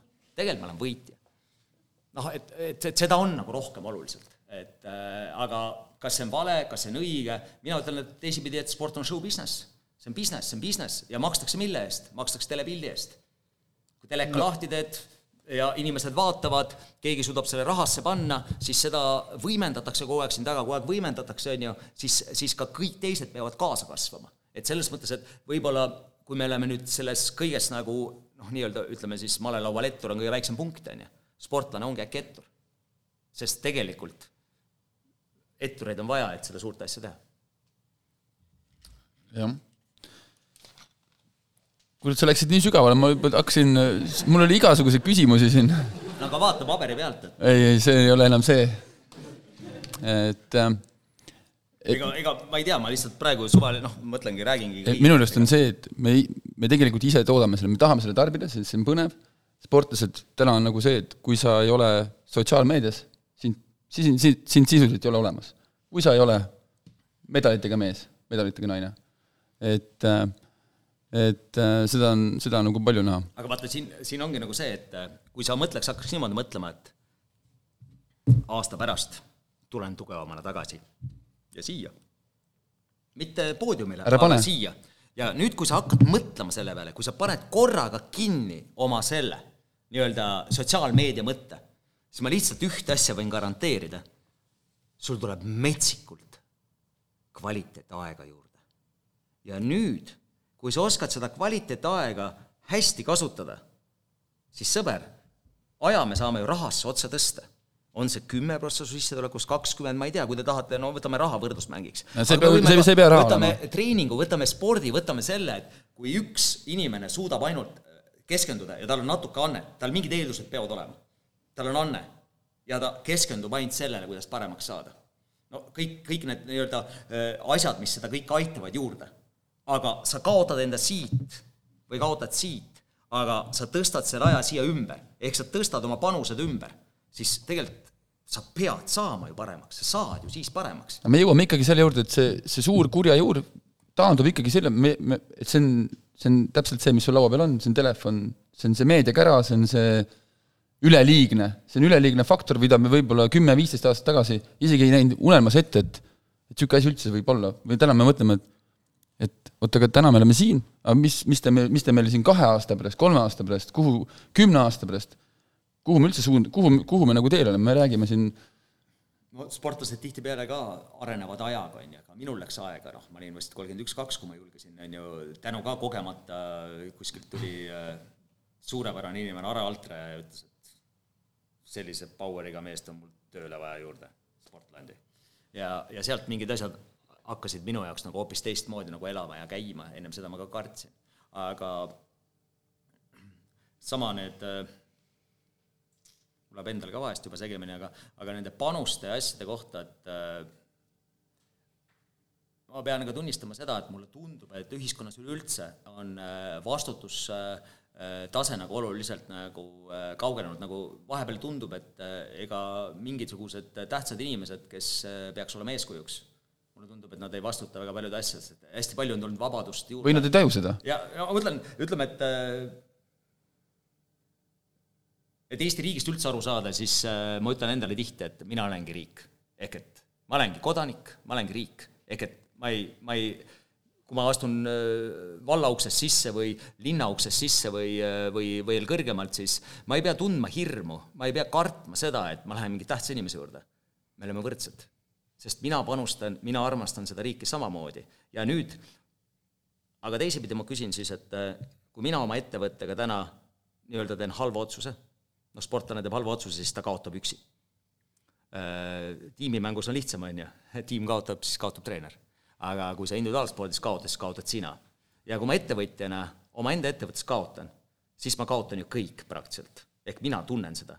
aga vaata, riigiettevõtlus täna, ma vaatasin Nordicast kirjutati, no mismoodi saab olla niimoodi, et äh, tohutu raha lastakse õhku? Kes vastutab, ma ei, ma ei saa aru, ma ei, noh, selles mõttes keegi pankrotti ei lähe, kellelgi ei juhtu midagi, noh, füüsiliselt ei juhtu mitte midagi, ta ei kaota rahast mitte midagi, vastupidi, ta saab palka ka edasi.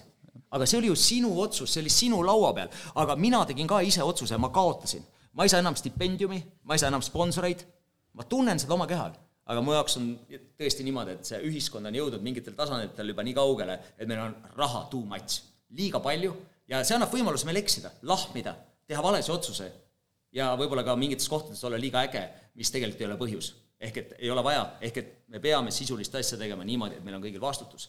ja need inimesed, kes kuskil peaks tunnetama eeskujuks olemist, peavad ka seda reaalselt tunnetama. et seda võiks rohkem olla.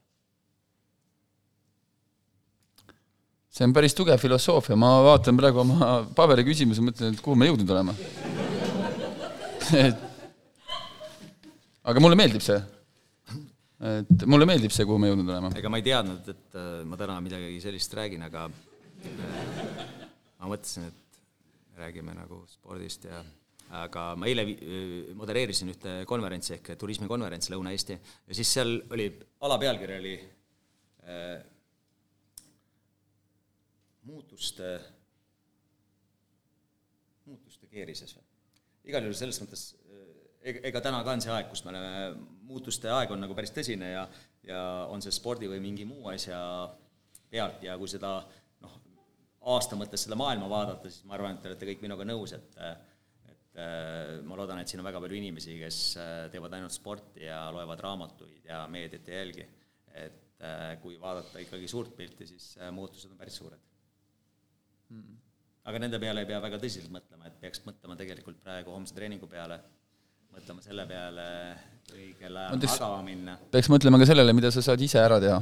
absoluutselt, absoluutselt, tegelikult ja, ja teisipidi ma tahaks ka öelda, et sportlase nagu peaeesmärk on seesama keskendumine, tegelemine ainult oma äh, asjadega ja nüüd äh, hea näide jälle, Johannes Tiinest Pööst oleme täna rääkinud, siis ma arvan, et ta on erakordne inimene selle koha pealt ka, et ma olen, äh, kuna ma seal saan nii-öelda meediainimesena olla ka nende pressikonverentside juures, kuhu nad siis tulevad ja kuidas nad tulevad ja kuidas neid nagu tehakse, siis kui teda nagu vaadelda kõrvalt, siis ma arvan, et tal on kogu aeg niimoodi ta saab väga täpselt aru, mida ta teeb, kuidas ta teeb ja kui see saab läbi, ta ei lase neid liiga pikaks, aga ta on väga viisakas, annab autogrammid ära, kui küsitakse, aga ta liigub väga kiirelt nagu sinna, kuhu ta peab liikuma. see on üleliigne tema jaoks? see, täpselt nii ja, ja mida ta toitumise kohta ütleb, tema, tal ei ole küsimusi, ütleme nii, et äh, märtsist novembrini tal piiranguid ei ole.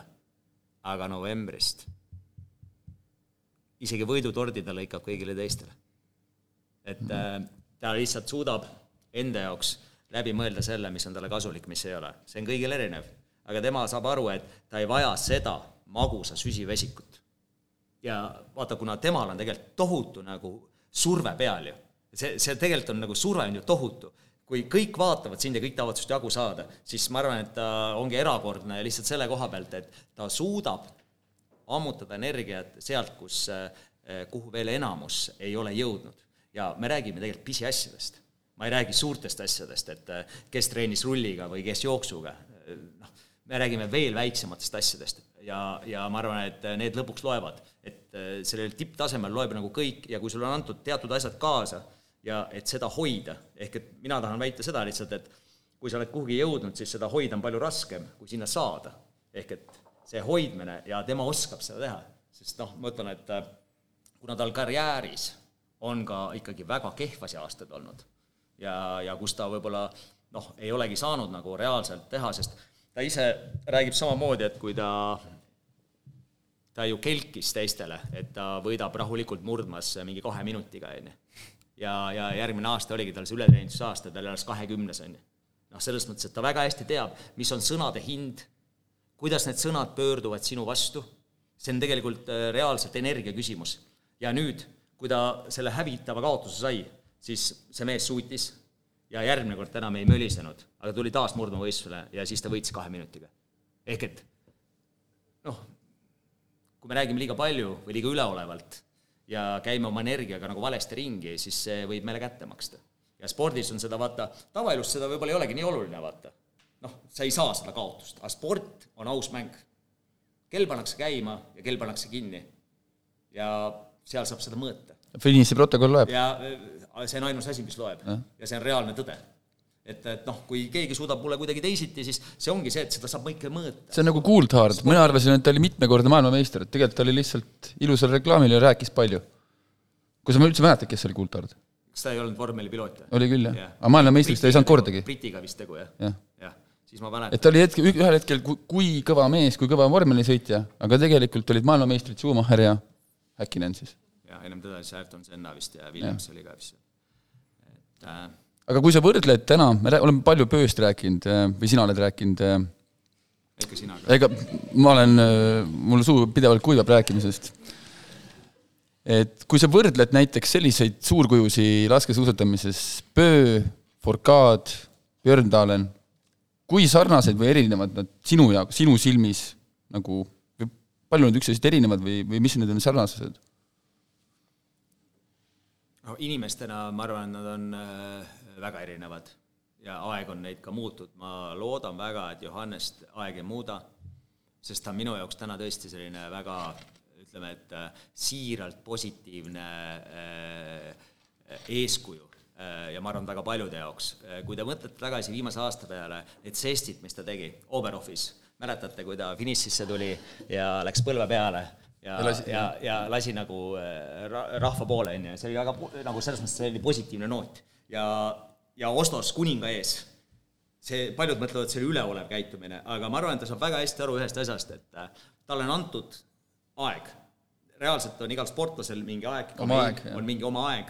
Ja ta aitab nüüd seda ala, vaata, ala vajab tegelikult staare.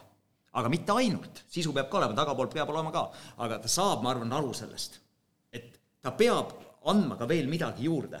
vaata, kui ta oleks nagu kuiva näoga ja ta mitte midagi ei teeks, siis väga paljud ajakirjanikud, noh, eriti täna, kui me mõtleme, mida me tarbime, on ju, see ei lähe nagu korda, aga ta suudab teha seda nagu meeldivalt ja vaata seesama, ma olin samal hetkel selles äh, Oberhofi pressiruumis, kui tuli äh, Furkaat sinna ja seesama Ukraina sõja teema. ja ta oli juba kuskil suutnud välja öelda, et, äh, et Vene, Vene, Venemaa sportlased on Pariisi oodatud, on ju. ja see jõudis niimoodi, et ta oli ühes meedianurgas, seal oli juba päris palju ajakirjanikke ümber, kõik kuulasid ja niimoodi, on ju, me olime seal hästi lähedal lauale ja, ja, ja see jõudis Pööni hästi ruttu ja Pöö pidi isegi rajale minema, ma ei mäleta, kas see oli baarist teade või midagi samal päeval, on ju. ja, ja, ja Pöö tegi kohe avalduse. ütlesid, et noh, see pole võimalik. ja kohe tuli kaasa tema meeskond. Läägreid, Kristjansen, nad kaitsesid siis nii-öelda Ukraina vaadet ja kuna Ukraina koondis oli lähedal, Dmitri Pitrovitšoni kõik asjad, on ju, siis ma nägin, kuidas see nagu, kui Furcad ajas äri, ta on ju Pariisi nii-öelda siis see spo-, olümpia eh, nii-öelda palgal, on ju. et, et temal oli äri see, et, et saaks seda nagu laiendada, võib-olla oli ka kuskilt poolt antud ette see, et me igal juhul proovime nad äkki kuidagi tagasi tuua, ehk et eh, ma ei ütle, et ma noh, ma, seda peab sisu liiga palju teadma, aga ma nägin, kuidas Pöö tundis sel hetkel seda, et nüüd peab ta ka midagi ütlema. ja ta väga selgelt nagu väljendab ennast. et eh, ja see, kuidas ta kasvatab peret, ta, ta ütles ju naisele ära, et anna mulle kui see Gustav sündis, et äh, kuna ta kaks tuhat kakskümmend kuus äh, läheb erru, ta ütles ära, et anna mulle viis aastat ja sa saad minu ülejäänud elu. anna mulle viis aastat sporti teha. Ja, ja ma arvan, et nüüd ta saabki aru, et tal on nüüd viimased kuradi aastad vaja panna, on ju. et ta ei mõtle enam, et ta teeb neljakümne aastaselt. ja, ja kuna ma noh, kui seda ka natuke jälgida, et äh, nüüd tuli tal teine laps see aasta, on ju, ma arvan, et sel aastal on tal natuke raskem tipus olla, nii kõva. eelmine aasta kahekümne kuuest noh, maailmakarika etapist võitis vist üheksateist või, noh, võiduprotsent kas kaheksakümmend kuus sellisel ajal, see on fenomenaalne, noh. Ulle-Einar Pöördal oli üheksakümmend seitse, oli midagi sarnast, on ju, aga see on fenomenaalne igal juhul. et, et nüüd on tal kindlasti nagu jälle nagu teine see, sest ta enamus aega treenis ju kodus, tahab pere lähedal olla. kõik olid laagris, aga mis juhtus, sügisel septembris olid ju meistrivõistlused. ta suutis, ennem ka ta vahepeal viskab käid nalju kirjutas ju siia, et äh, mingi teine rullitrenn või, kolmas oli siis äh, Norra meistrivõistlused rulli pealt võitis sprindi ära. no kujuta ette, sa oled Masee ja Kristjanson, maailma tipptreenerid, sa oled eh, kuradi viiendast maist teinud trenni koondisega ja ühte venda ei ole, öö teeb kodus, mida tahab, a la, ja ta tuleb ja ta ikka võidab. see ajab ikka närvi küll, reaalselt. see, see ajab ikka närvi. et eh, ma arvan, et tal talvel ikkagi nii lihtsalt ei lähe ja nii tugev ta sel aastal, ma arvan, ei ole. aga, aga saame näha mm.. sa, sa nüüd ütleme, hetkel viisteist minutit tagasi ütlesid niisuguse sõnakõlksu, et see spordikommentaatori töö või see, et sa sinna sattusid, oli juhuslik.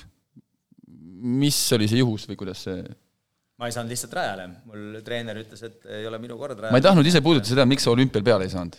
see oli kaks tuhat, jah, seal, no ütleme nii, et eks alustame sealt, miks sa olümpiale, sa läksid olümpiale? Ma läksin olümpiale, mul oli Salt Lake City. jaa, jaa, seal, seal oligi isegi niimoodi, et seal ei olnud isegi võimalik see, et kui sa oled meeskonnas, sa starti ei saa, see oli isegi mingisugune reegel seal, noh, äh, aga minu õnnetus oli see, et meil oli katsevõistlus ennem, äh, seal äh, sakslased ja kõik seal olid peal ja, ja tegelikult mul oli mingi haigusvimm juba sees, on ju, ja panin seda esimesed kaks tiiru nulliga, suurelt plaanilt vaatan suure esimesel leheküljel.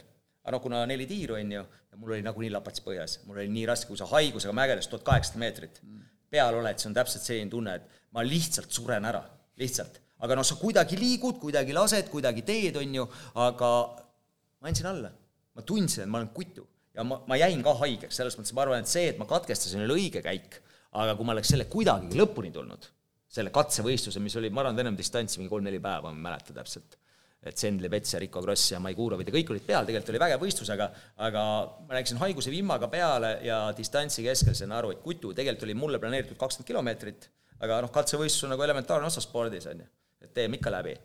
Siis lihtsalt tekkis niimoodi, et äh, kuna oli mõte, et kahekümnesse mind ei panna, et seda on sprinti, on ju, siis teada on juba näha, aga kuna kakskümmend läks kõigil Eesti koondislastel nagu väga halvasti, ma ei tea, parim koht oligi vist nelikümmend kuus ja Roland oli nagu, Rolandiga me oleks pidanud seda kohta jagama ja Roland oli isegi esimene Eesti vend, nelikümmend kuus noh, olümpial. no ikkagi kõigil läks kehvasti, teised olid Indrek, Janno ja Dima olid veel tagapool, on ju. no ja siis noh, eh, Illar tegi lihtsalt otsuse, et needsamad mehed lähevad ka kümmet, on ju, noh. ja, ja sealt, kui sa kümmet saad, siis sa saad ka jälitust sõita, kui sa kuuekümne hulka saad, on ju, ja ja noh, kui ma üldse sõitnud ei olnud, siis teadest ma ka nagu ei saanud, noh. siis ma saingi nagu tuhat kaheksasada meetrit kõrgel mägedes olla ja ja, ja, ja noh, ega sel hetkel noh, ma ei saa öelda, et tervis oli nagunii ju kehv, kui sa mägedes haige oled ja haigeks jääd, see on ikka kutu nagunii, on ju. aga, aga hinnates seda, et oleks olnud reaalne näiteks, et teates selleks hetkeks, olid sa sellest väljas või? ei no mul on ainult kahju sellest lihtsalt, et mul ei ole olümpiastarti, sest äh, Nagano neli aastat ennem äh, jäin ma lihtsalt välja sellepärast, et ma ei olnud nagu tol hetkel liiga vana?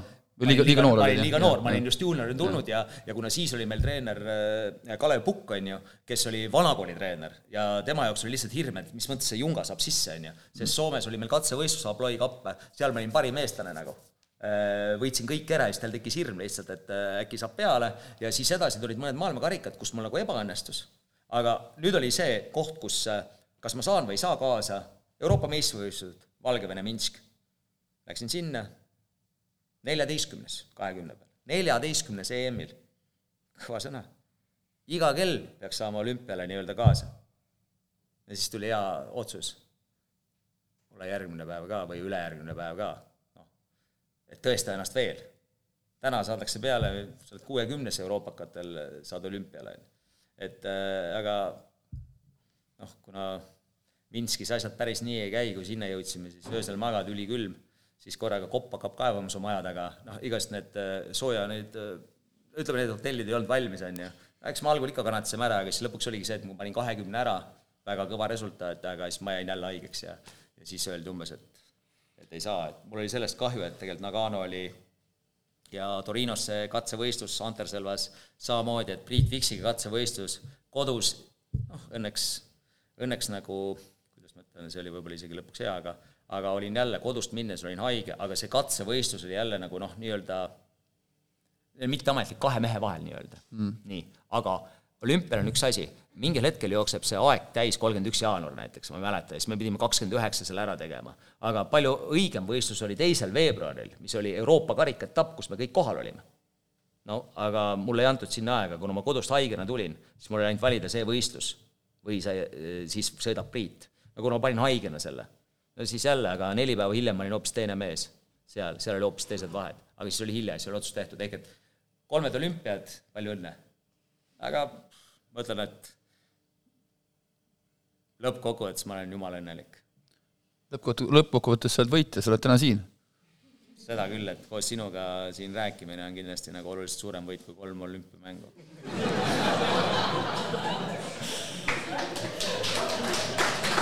ja saade on läbi me ei rääkinud kol-, kolmest olümpiast, me rääkisime ühest olümpiastardist muidu, aga ei, ma lihtsalt äh, tegelikult kõik need, mul oli võimalus kolm olümpiat teha oma karjääri jooksul ja rahulikult oleks võinud teha, ma ei räägi üldse nagu medalitest, aga näiteks Salt Lake'is, Salt Lake'is, kui ma peale ei saanud, siis meil oli äh, olümpia, nädal aega hiljem olid džismi meistrivõistlused Boglukas ja ma olin sprindis näiteks ühega kaheteistkümnes, kus olümpia pronks näiteks Wolfgang Rottmann oli kolmas ehk selles mõttes, et äh, ma kindlasti äh, oleks väärt olnud kaheteist aasta peale ühte olümpiastarti. seda ma küll julgen öelda. mitte mingit kohta, aga starti kindlasti. ma ei kuulnud ah.. Mm. Äh, kas see võib olla kuidagi seotud ka, nüüd ütleme täitsa tagantjärgi, et mõne treeneri selline nagu teadlik otsus, et või, või miks, no kui sa ütled, et kaheteist aasta jooksul mitte ühtegi olümpiastarti, see on kolm olümpiat. kolm olümpiat, jah. no see peab olema kellegi otsus, see peab olema mingi konnasilm või mingi asi, et noh, et me ei anna sellele vennale, et teates võiks, no võiks ju panna, meil midagi kaotada ei ole, ei, läheb ikka see no,, me sõitsime nende meestega, läheb ikka see ei saanud ka kaasas olla, ma olin ainult Salt Lake'is kaasas, on ju. kahest ma jäin siis nagu nii-öelda katsevõistluste mõttes välja, ehk varumeest nagu justkui kaasa ei võeta igaks juhuks, et äkki mm. jääb keegi välja, on ju. siis äh, kuidas ma ütlen, tagantjärgi tarkus ei maksa midagi ja, ja kuna e, kõikidel olümpiamängudel oli erinevad treenerid, et, äh, et seal pole nagu seda, noh, ma ei, ma küll ei näita kellegi peale näpuga ega ma ei ütle seda, aga aga ma lihtsalt tahan öelda seda, et äh, lõpuks ma ikkagi võitsin. Enda jaoks ma olen võitja.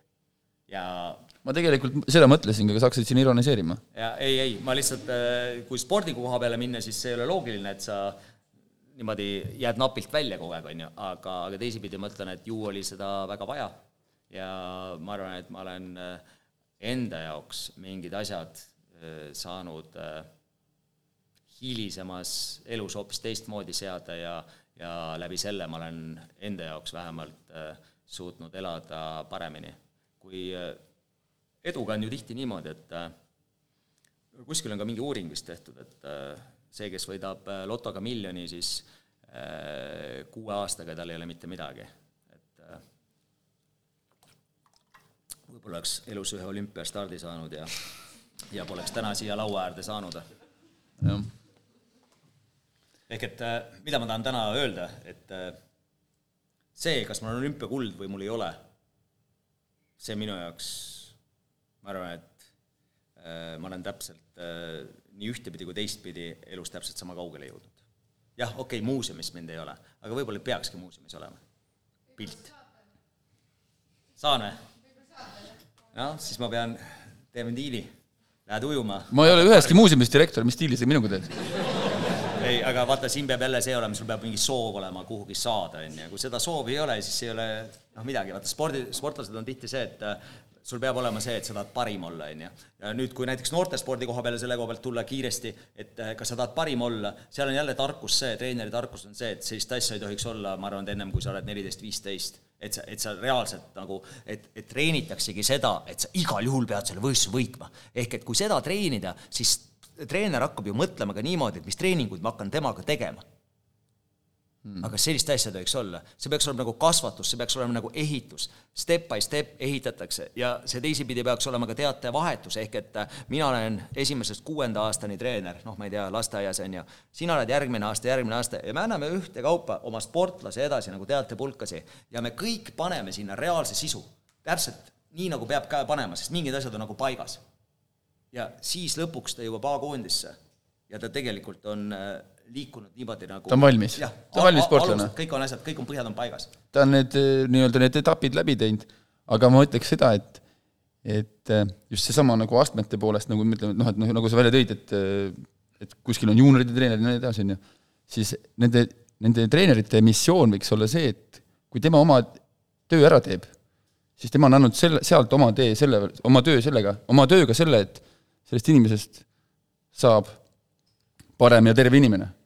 Jaa, täiesti nõus, et see ei saa, vaata, seal ongi see, et miks etapiti peab olema, et äh, on ka need sisulised eesmärgid teised, et et äh, algul ongi ikkagi see, et kasvatada inimest, noh, mitte tippsportlast ega sportlast, et sa ei saa, sa ei saa olümpiavõitjat kasvatada. et sa, kui sa hakkad teda tulemuste peale kasvatama kohe alguses, siis ma võin lihtsalt öelda, et selle sportlase käär kestab üleüldse kümme aastat, ehk kui ta kuuendast eluaastast hakkas tulemuste peale mõtlema, siis ta läheb erru umbes kuueteistkümnendast, seitsmeteistkümnendast eluaastast.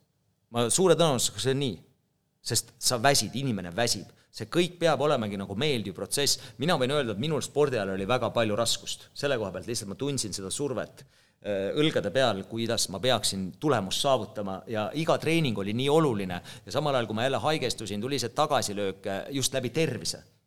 see oli nii raske kanda, see oli nii raske koorem siiamaani nagu tunnetan täpselt see, et äh, kui sa noh, eesmärk olümpiale saada ja sa tead, et tervis jälle ei lase sul olla nii hea, kui sa saad, vahet ei ole, kas see on katsevõistlus või mitte, aga sa põed seda teistmoodi. no ma pean tunnistama tõesti eraelus, et äh, mul on kehvem päev. tegelikult sa ei saa arugi, et mul kehv päev on ju äh, mul on kehvem päev, ma hiilin kuidagi, lähen teen viisteist minutit kuidagi, viskan diivani peale, panen teleka käima vaatan tund aega und ja oled jälle uus inimene no,. Tund aega on väga hästi, see on nagu tippspordi uni, aga, aga no ütleme sa ütled, et sul ei ole täna seda aega, et tund aega magada päeval või? korjad äh, üldiselt ei ole. korjad, ma täna näiteks, mul oli vaba aeg ja lõuna ajal, siis ma läksin tennist mängima, ma valisin ikkagi no, spordi. vot see ongi see aeg, kus noh ükskord jätta tennis ära, mine maga tund aega. ja siis ma ei saa öösel magada. ma pean öösel tööd tegema.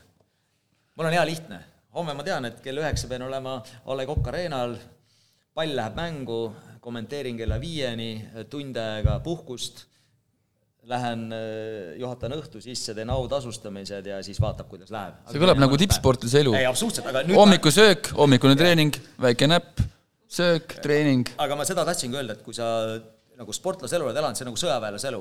näiteks mul on väga palju häid sõpru, kes on sõjaväelased. miks ma sõjaväelasi hullult austan, sest ma näen alati seal distsipliini. see on täitsa uskumatu. nii kihvtid inimesed. Neil on distsipliin, teistmoodi distsipliin, see on nagu, seda tunned kohe ära. see on ja. nagu lahe, et jah, et kui spordis küll distsipliin on ülioluline ja ja uni ka muidugi oluline ja neid asju, mida kõik täna teavad, on üliolulised, aga aga edu sa saad täna ikkagi nendest pisiasjadest. üldiselt me kipume neid asju teadma, aga kipume ära unustama. selles mõttes, et äh, jah, et ei tundu nagu võib-olla jah, me teame ju, et ei võiks süüa äh, no see, see liha ja, liha ja kartulid koos või? toitu, on ju, aga kui meil kõht tühi on, kui sa tunned seda toidulõhna mm., siis põhimõtteliselt ei ole vahet, mida sa sööd. ehk et professionaal on see, kes suudab ennem ära süüa või otsustada, kui ta seda lõhna tunneb, kui ta näljane on, vaata, siis sa teed vale otsuse. mina ei suuda. no ma usun, et äh, mul on enam-vähem sama. et äh, sa oled aus poiss, et äh, aga ma vahepeal lähen, võtan õunapust, vana Koiala õunapust ühe õuna eest, tunnen, et see on kõige nii-öelda igasugustest jamadest vaba õun ja kui ma selle ära söön, siis ma tunnen, et ma olen nüüd jälle natuke paremas vormis. aga ega see ei jää sinu ainsaks toiduks? on olnud aegu, ka spordi ajal, kus äh, õunas raksus käimine, kujuta ette nüüd, äh, me olime laagris hästi toredad. minu arust õuna, õuna söömine ja spordi tegemine, see lõpeb kõhuvaluga. aga muud ei olnud, lihtsalt süüa. Raha ei olnud ja trenni tahtsime kõvasti teha ja lõunal käisime reaalselt raksus, et äh, süüa kõht täis. isegi minu ajal olnud sellist aega, see on tegelikult natuke uskumatu, sest et mul nii kehva ajal ka ei elanud. et, et tšikis, ma, miks ma tšiki, tegelikult mulle meeldis tšikis, ma sain kolm korda päevas süüa see oli tegelikult tol hetkel nagu kõva sõna. no tegelikult oleme ausad, äh, tol hetkel, kui sa oleks näiteks ülikooli läinud, siis ma teadsin, mille peale ma lähen. ema paneb kodus kartulit kaasa, ma hakkan tegema kartulit siis viiel erineval moel, saan mõned konservid ka kaasa. Aga nüüd, kui ma valisin spordi poole, juunior, alati koondis, meestekoondis, mul kõht täis kogu aeg. tegelikult oli reaalne, kõht oli täis siis see oli nagu väga suur vahe. aga nüüd ainuke üks asi muutus siis, kui sa selle hariduse kätte said ja sulle reaalselt raha hakati maksma, aga näed, ma sain küll süüa, aga aga rahast on järjest kaugemal. see vahe oli. Su- äh,, laskesuusatamise fänni ja televaatajana mulle äh, te väga, te, te oot-oot-oot-oot, sa oleks isegi peaaegu ise selle nüüd maha mänginud, selle, mis oli see juhus siis, kuidas sinu spordikommentaator sai? ma mõtlesin, et sa hakkasid juba, ütlesid, et ma ei tohiks seda vett ära juua. aga, aga see oli sellepärast, et ma ei saanud sprindis starti ja Lembitu Kuuse ja Marko Kaljuveer olid Hohvilsens üle pika aja, oli Eesti Rahvusringhääling kohal ja nad kommenteerisid sealt või ülekandeid tegid ja ma ei tea, mingil hetkel äh, Marko lihtsalt ütles, et Margus, sul on nagu vaba päev, et äh, tule ka meil kabiini, on ju. et noh, siis ei olnud ju meil mingi kommentaatorid, et äh, ütleme nii-öelda siis ekspertkommentaator, aga, aga lihtsalt siis ma noh, seisin nende taga, nad istusid niimoodi ees, mul olid ka klapid peas niimoodi. ja ma vaatasin ka pilti, noh, ega vaata, seal on see, et kui sa laivis oled, keegi ei saa sul ju mikrit kinni panna, noh, selles mõttes, et kui mul midagi öelda oli, siis ma nagu ütlesin ja ma ei teadnud, kui palju ma võin rääkida või kuidas, et noh, vahelt midagi küsisid, aga aga ju ma, ma ei tea, ma arvan, et mul tuli nagu hästi välja, lihtsalt lambist esimene kord. sest äh, sealt edasi tuli kohe, kuna ma Torinosse ei saanud ja ma mõtlengi, et miks ma Torinot pean enda jaoks nagu suureks võiduks, äh, ma sain Torinot kodus reaalselt kommenteerida ERR-is. et see oli nagu väga, see muutis minu elus, ma arvan, väga palju. kui ma oleks Torinos kohal olnud siis see ohviliselt, et ma korra käisin kuskil meediaboksis, see oleks hoopis teine asi olnud. täna ma ju, okei okay,, ma kommentaator ERR-i jaoks teen ja olen ka muid asju teinud, aga ma olen täna reaalselt elus noh, äh, ilma igasuguse hariduseta, ilma igasuguse, ma ei ole ühtegi esinemiskoolitust ka läbi teinud, ma olen kommenteerinud täna iga aasta, ma arvan, et äh, hoian mikrit umbes äh, seitsekümmend, kaheksakümmend üritust. et see on nüüd teinud siis mingisuguse kaheksateist aastaga umbes tuhat ükssada, tuhat kakssada üritust, kus ma olen mikrofoniga teinud. ja, ja võib-olla natuke rohkem, võib-olla natuke vähem, ma täpselt ei tea, aga kui ma oleks Torinos olnud, siis ma arvan, ma poleks elus kunagi rohkem mikrit kätte võtnud. Minul on, noh, mul on ka hea meel see, et mul on hea meel, et sa seda teed, see tundub, sa teed selle kirega, teiseks on mul hea meel, et sa said ka oma olümpiastardi kätte. läbi mikrofoni? jah. ei, aga, aga aga see on ju, see on, see on asi, see, see, see, see elab, see elab sinu sees edasi tegelikult. see juhtus kokku ja, ja tõesti, et äh, kuna ma seal Torinos sain ka eelolümpial nii-öelda käia ja võistelda, siis see oli ränk. mägedes, kui sa veel siin äh, värska vett jood ja, ja hommikul putru sööd, siis tuhande kaheksasaja peale on ikka ränk reis. see on raske läbi murda, pead liiga hea olema. tol ajal mm. olid reeglid mingis mõttes natuke äh, muudetud ja, ja ma ei taha sellest üldse rääkida, aga seal pead ka osav olema. kui ma dopingu teemat nimetan, see ei ole nii mhm. lihtne. Tagantjärgi hinnata tõesti seda, et kui palju riigid, kes on välja tulnud, tarbisid tegelikult, siis lõpuks äh, annab otsida üldse nagu puhast riiki. Natuke võib-olla puudutada ka seda, et see sinu nii-öelda sportlaskarjäär oli ka see aeg, kus meil oli Eestis su-, suusatamine kui me olime, me olime maailmas äh, suusatamise suurriik. ei, absoluutselt, mina elasin ju suusatamise kõrval niimoodi, et ma vaatasin suu ammuli ja hea, mul oli hea meel, kui ma Jaagu või Andrusele sain tere öelda ja rääkida nendega paar sõna, on ju. ja nad olid nii viisakad inimesed, vastasid ka terega, on ju. aga see aeg oli tõesti niimoodi, et äh, nemad olid hästi-hästi kuskil kõrgel, on ju. ja, ja peaton hakkas kasvama üheksakümmend seitse, on ju. täna noh, ütleme, et et spordi mõttes ei peagi sa isegi nagu nii palju staar olema, kui selle, see vaatemäng on ikka ülioluline lõpuks see, kuidas see ala paistab, see, kuidas see sinuni jõuab, äh, noh, minu jaoks on see nagu, kus ostad nagu enda jaoks kõige meeldivama pakendi ja sa teed selle lahti, sa vaatad, et sisu on veel parem. vaata, siis on vägev toode. et noh, minu jaoks laskesuusatamine ja, ja see kõik, mis ma olen elus saanud teha, erinevaid asju, äh, ma olen püüdnud sinna sisu panna, nii nagu ma oskan. mis keegi ei ole mulle õpetanud seda, aga ma püüan nagu läheneda niimoodi, et see võiks nii olla. vahest on muidugi aega vähem ja, ja pead ka muud elus tegema, aga, aga ma olen mõelnud niimoodi, et äh, su ettevõtmised võiks sellised olla. ja kui ei ole, noh, siis jääbki sul sellest ajast puudu või sportlase vaade on ju sellele, et kui sa nii hea ei ole sellel Ironmanil, siis tegelikult ikkagi jätsid mingid trennid tegemata.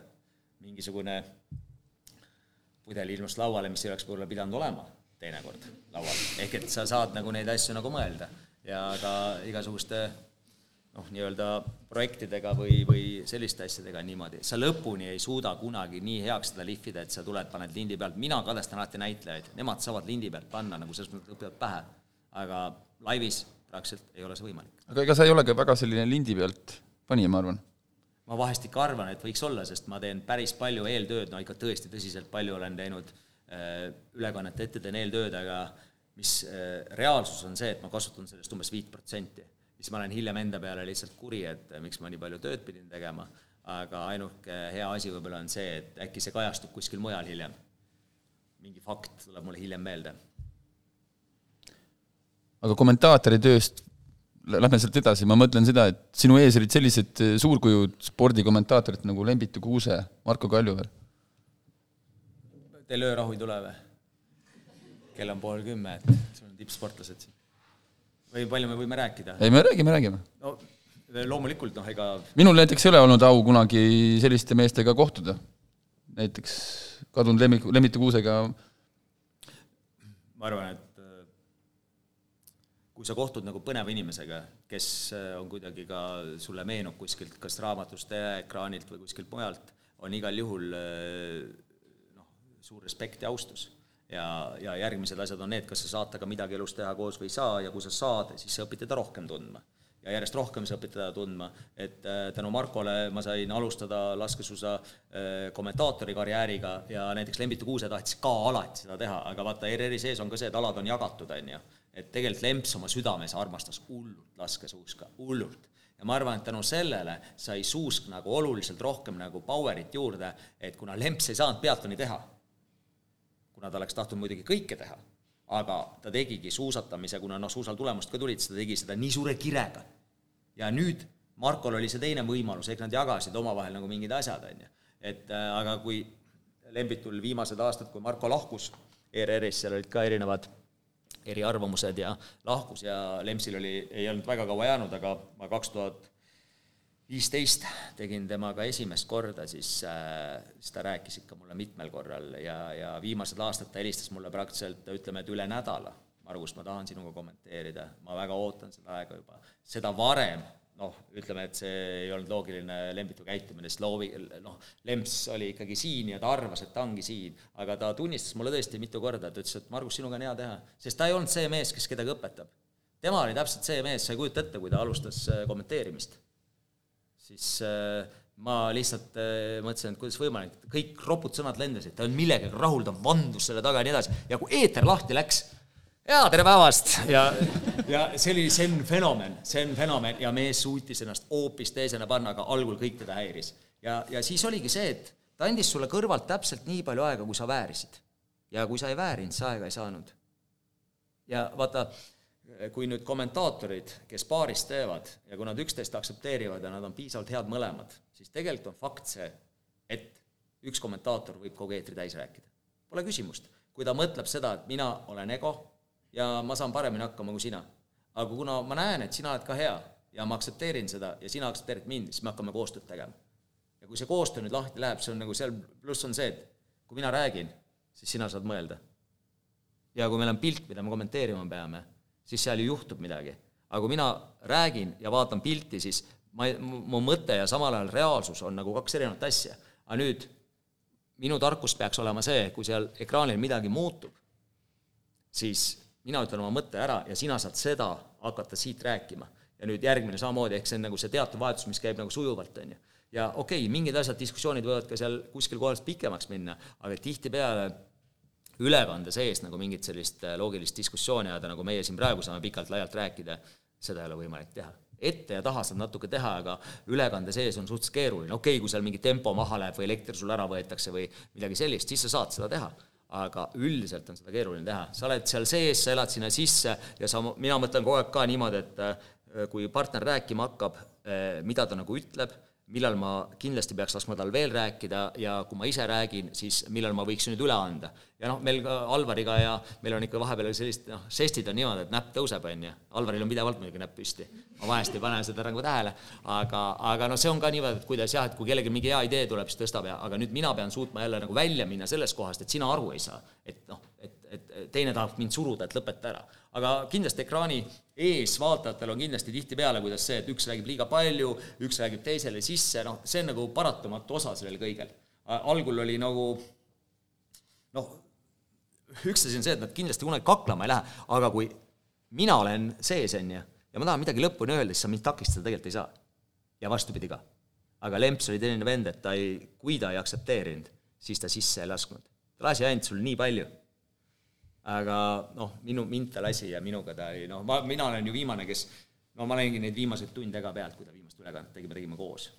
see on ikka päris selline ütleme, et äh, omaette kogemus ja kuna ma olen teinud erinevate esimene, kõigil, kõigiga on erinev teha, igas mõttes erinev teha, et see on nagu kui sa, noh, ma tean, mis on sinu plussid, kuidas sina ette valmistad, kuidas meil see nagu nii-öelda nivoo sealt jooksmas on, et ma mõtlen ise ka nagu stsenaariumi välja, kui, kui ma tean, et ma sinuga teen, ma tean, kuidas see jookseb, näiteks Marko Albertiga tõin äh, triatloni tegema.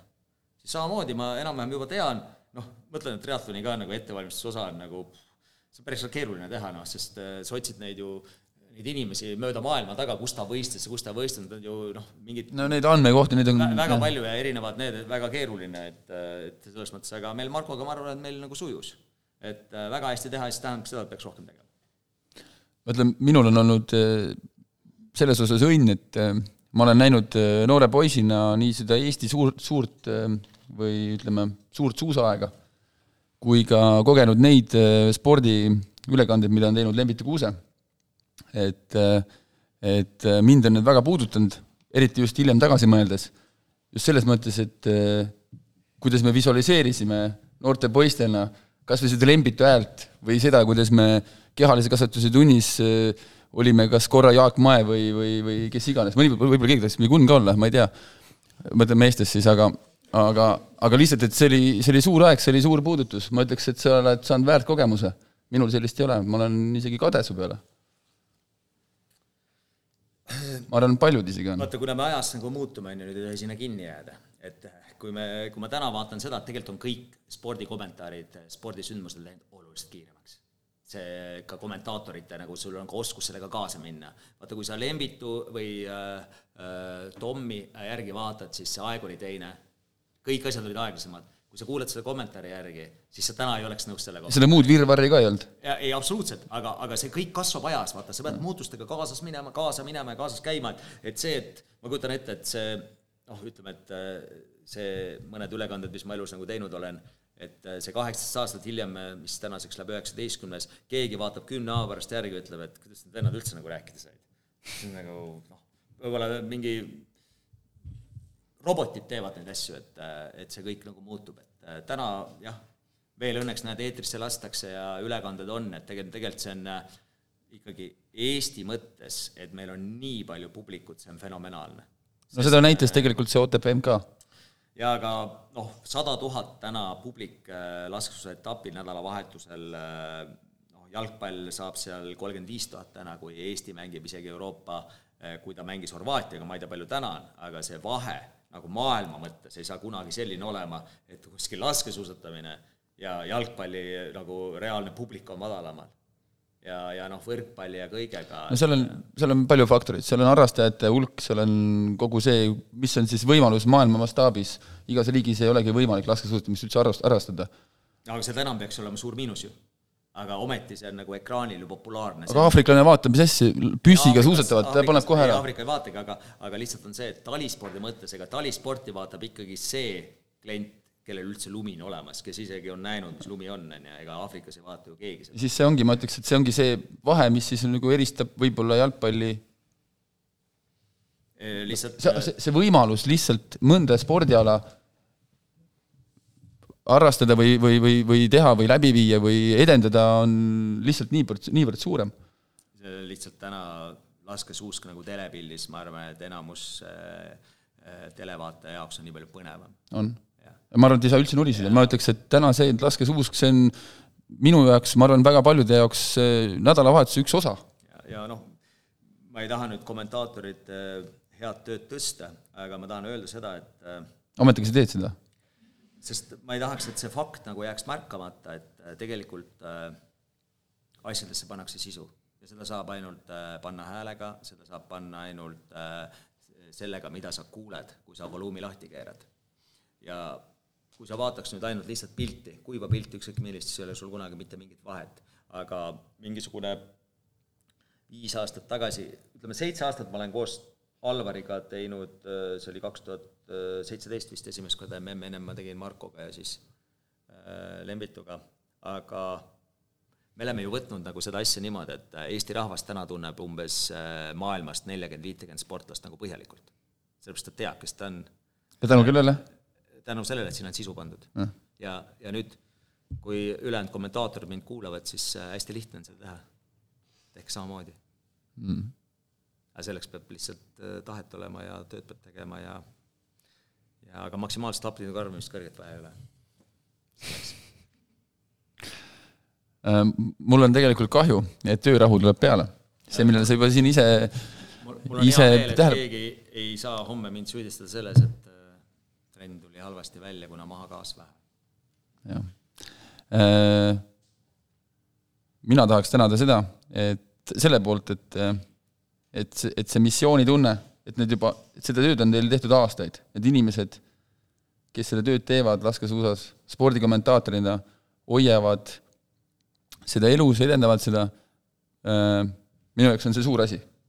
isiklikul tasandil, minu jaoks on see suur asi, sest et äh, see on üks selline asi, mida ma mõtlen, et kui ma seda tarbin, siis ma arenen seda. et me, noh, me jõuame kõik nagu kokkuvõtvalt sellele, et et palju on seda üleliigset osa ja, ja mul on ääretult hea meel, et äh, ma lõpuks nägin lisaks, lisaks sellele, et ma su häält kuulen talvel päris palju, äh, ka su näo ära nägin reaalsel kujul.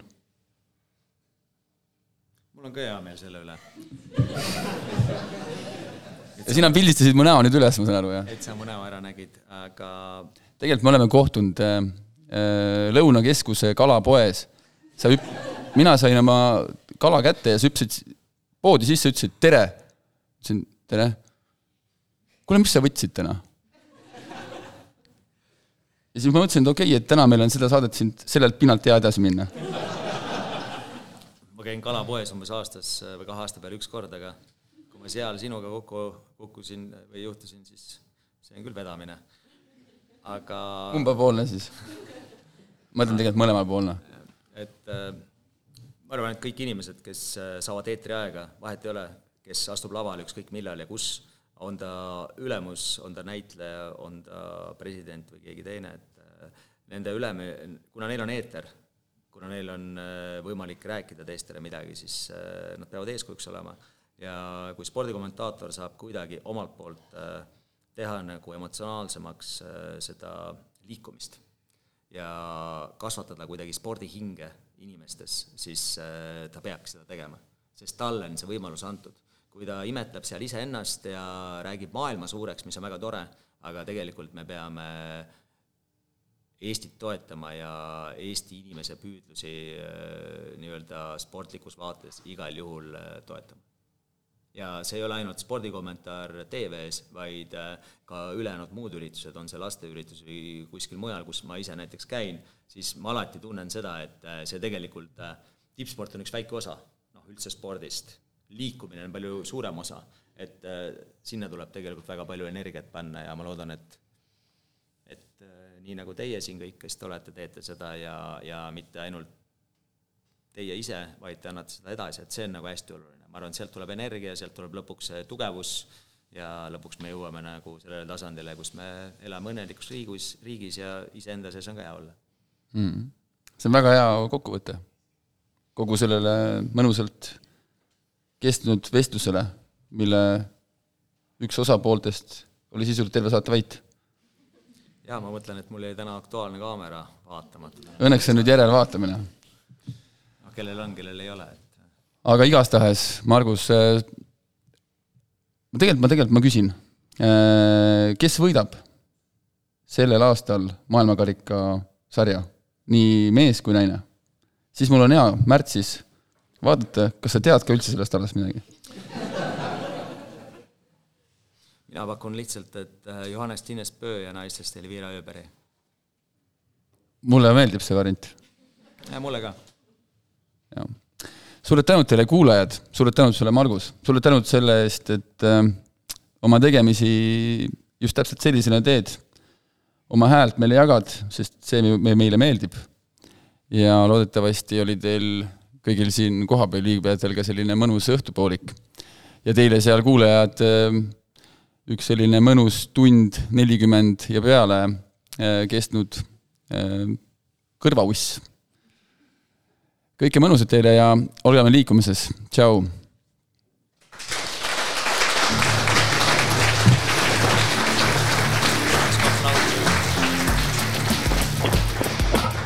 Aitäh. Sarise muidupäsi pats on okei okay.. kuna mul on viis töökohta. kuule, jõle piinlik on, tule maha ära. homme jõuad puhata. Margus, see oli nüüd see koht, kus pidi vait olema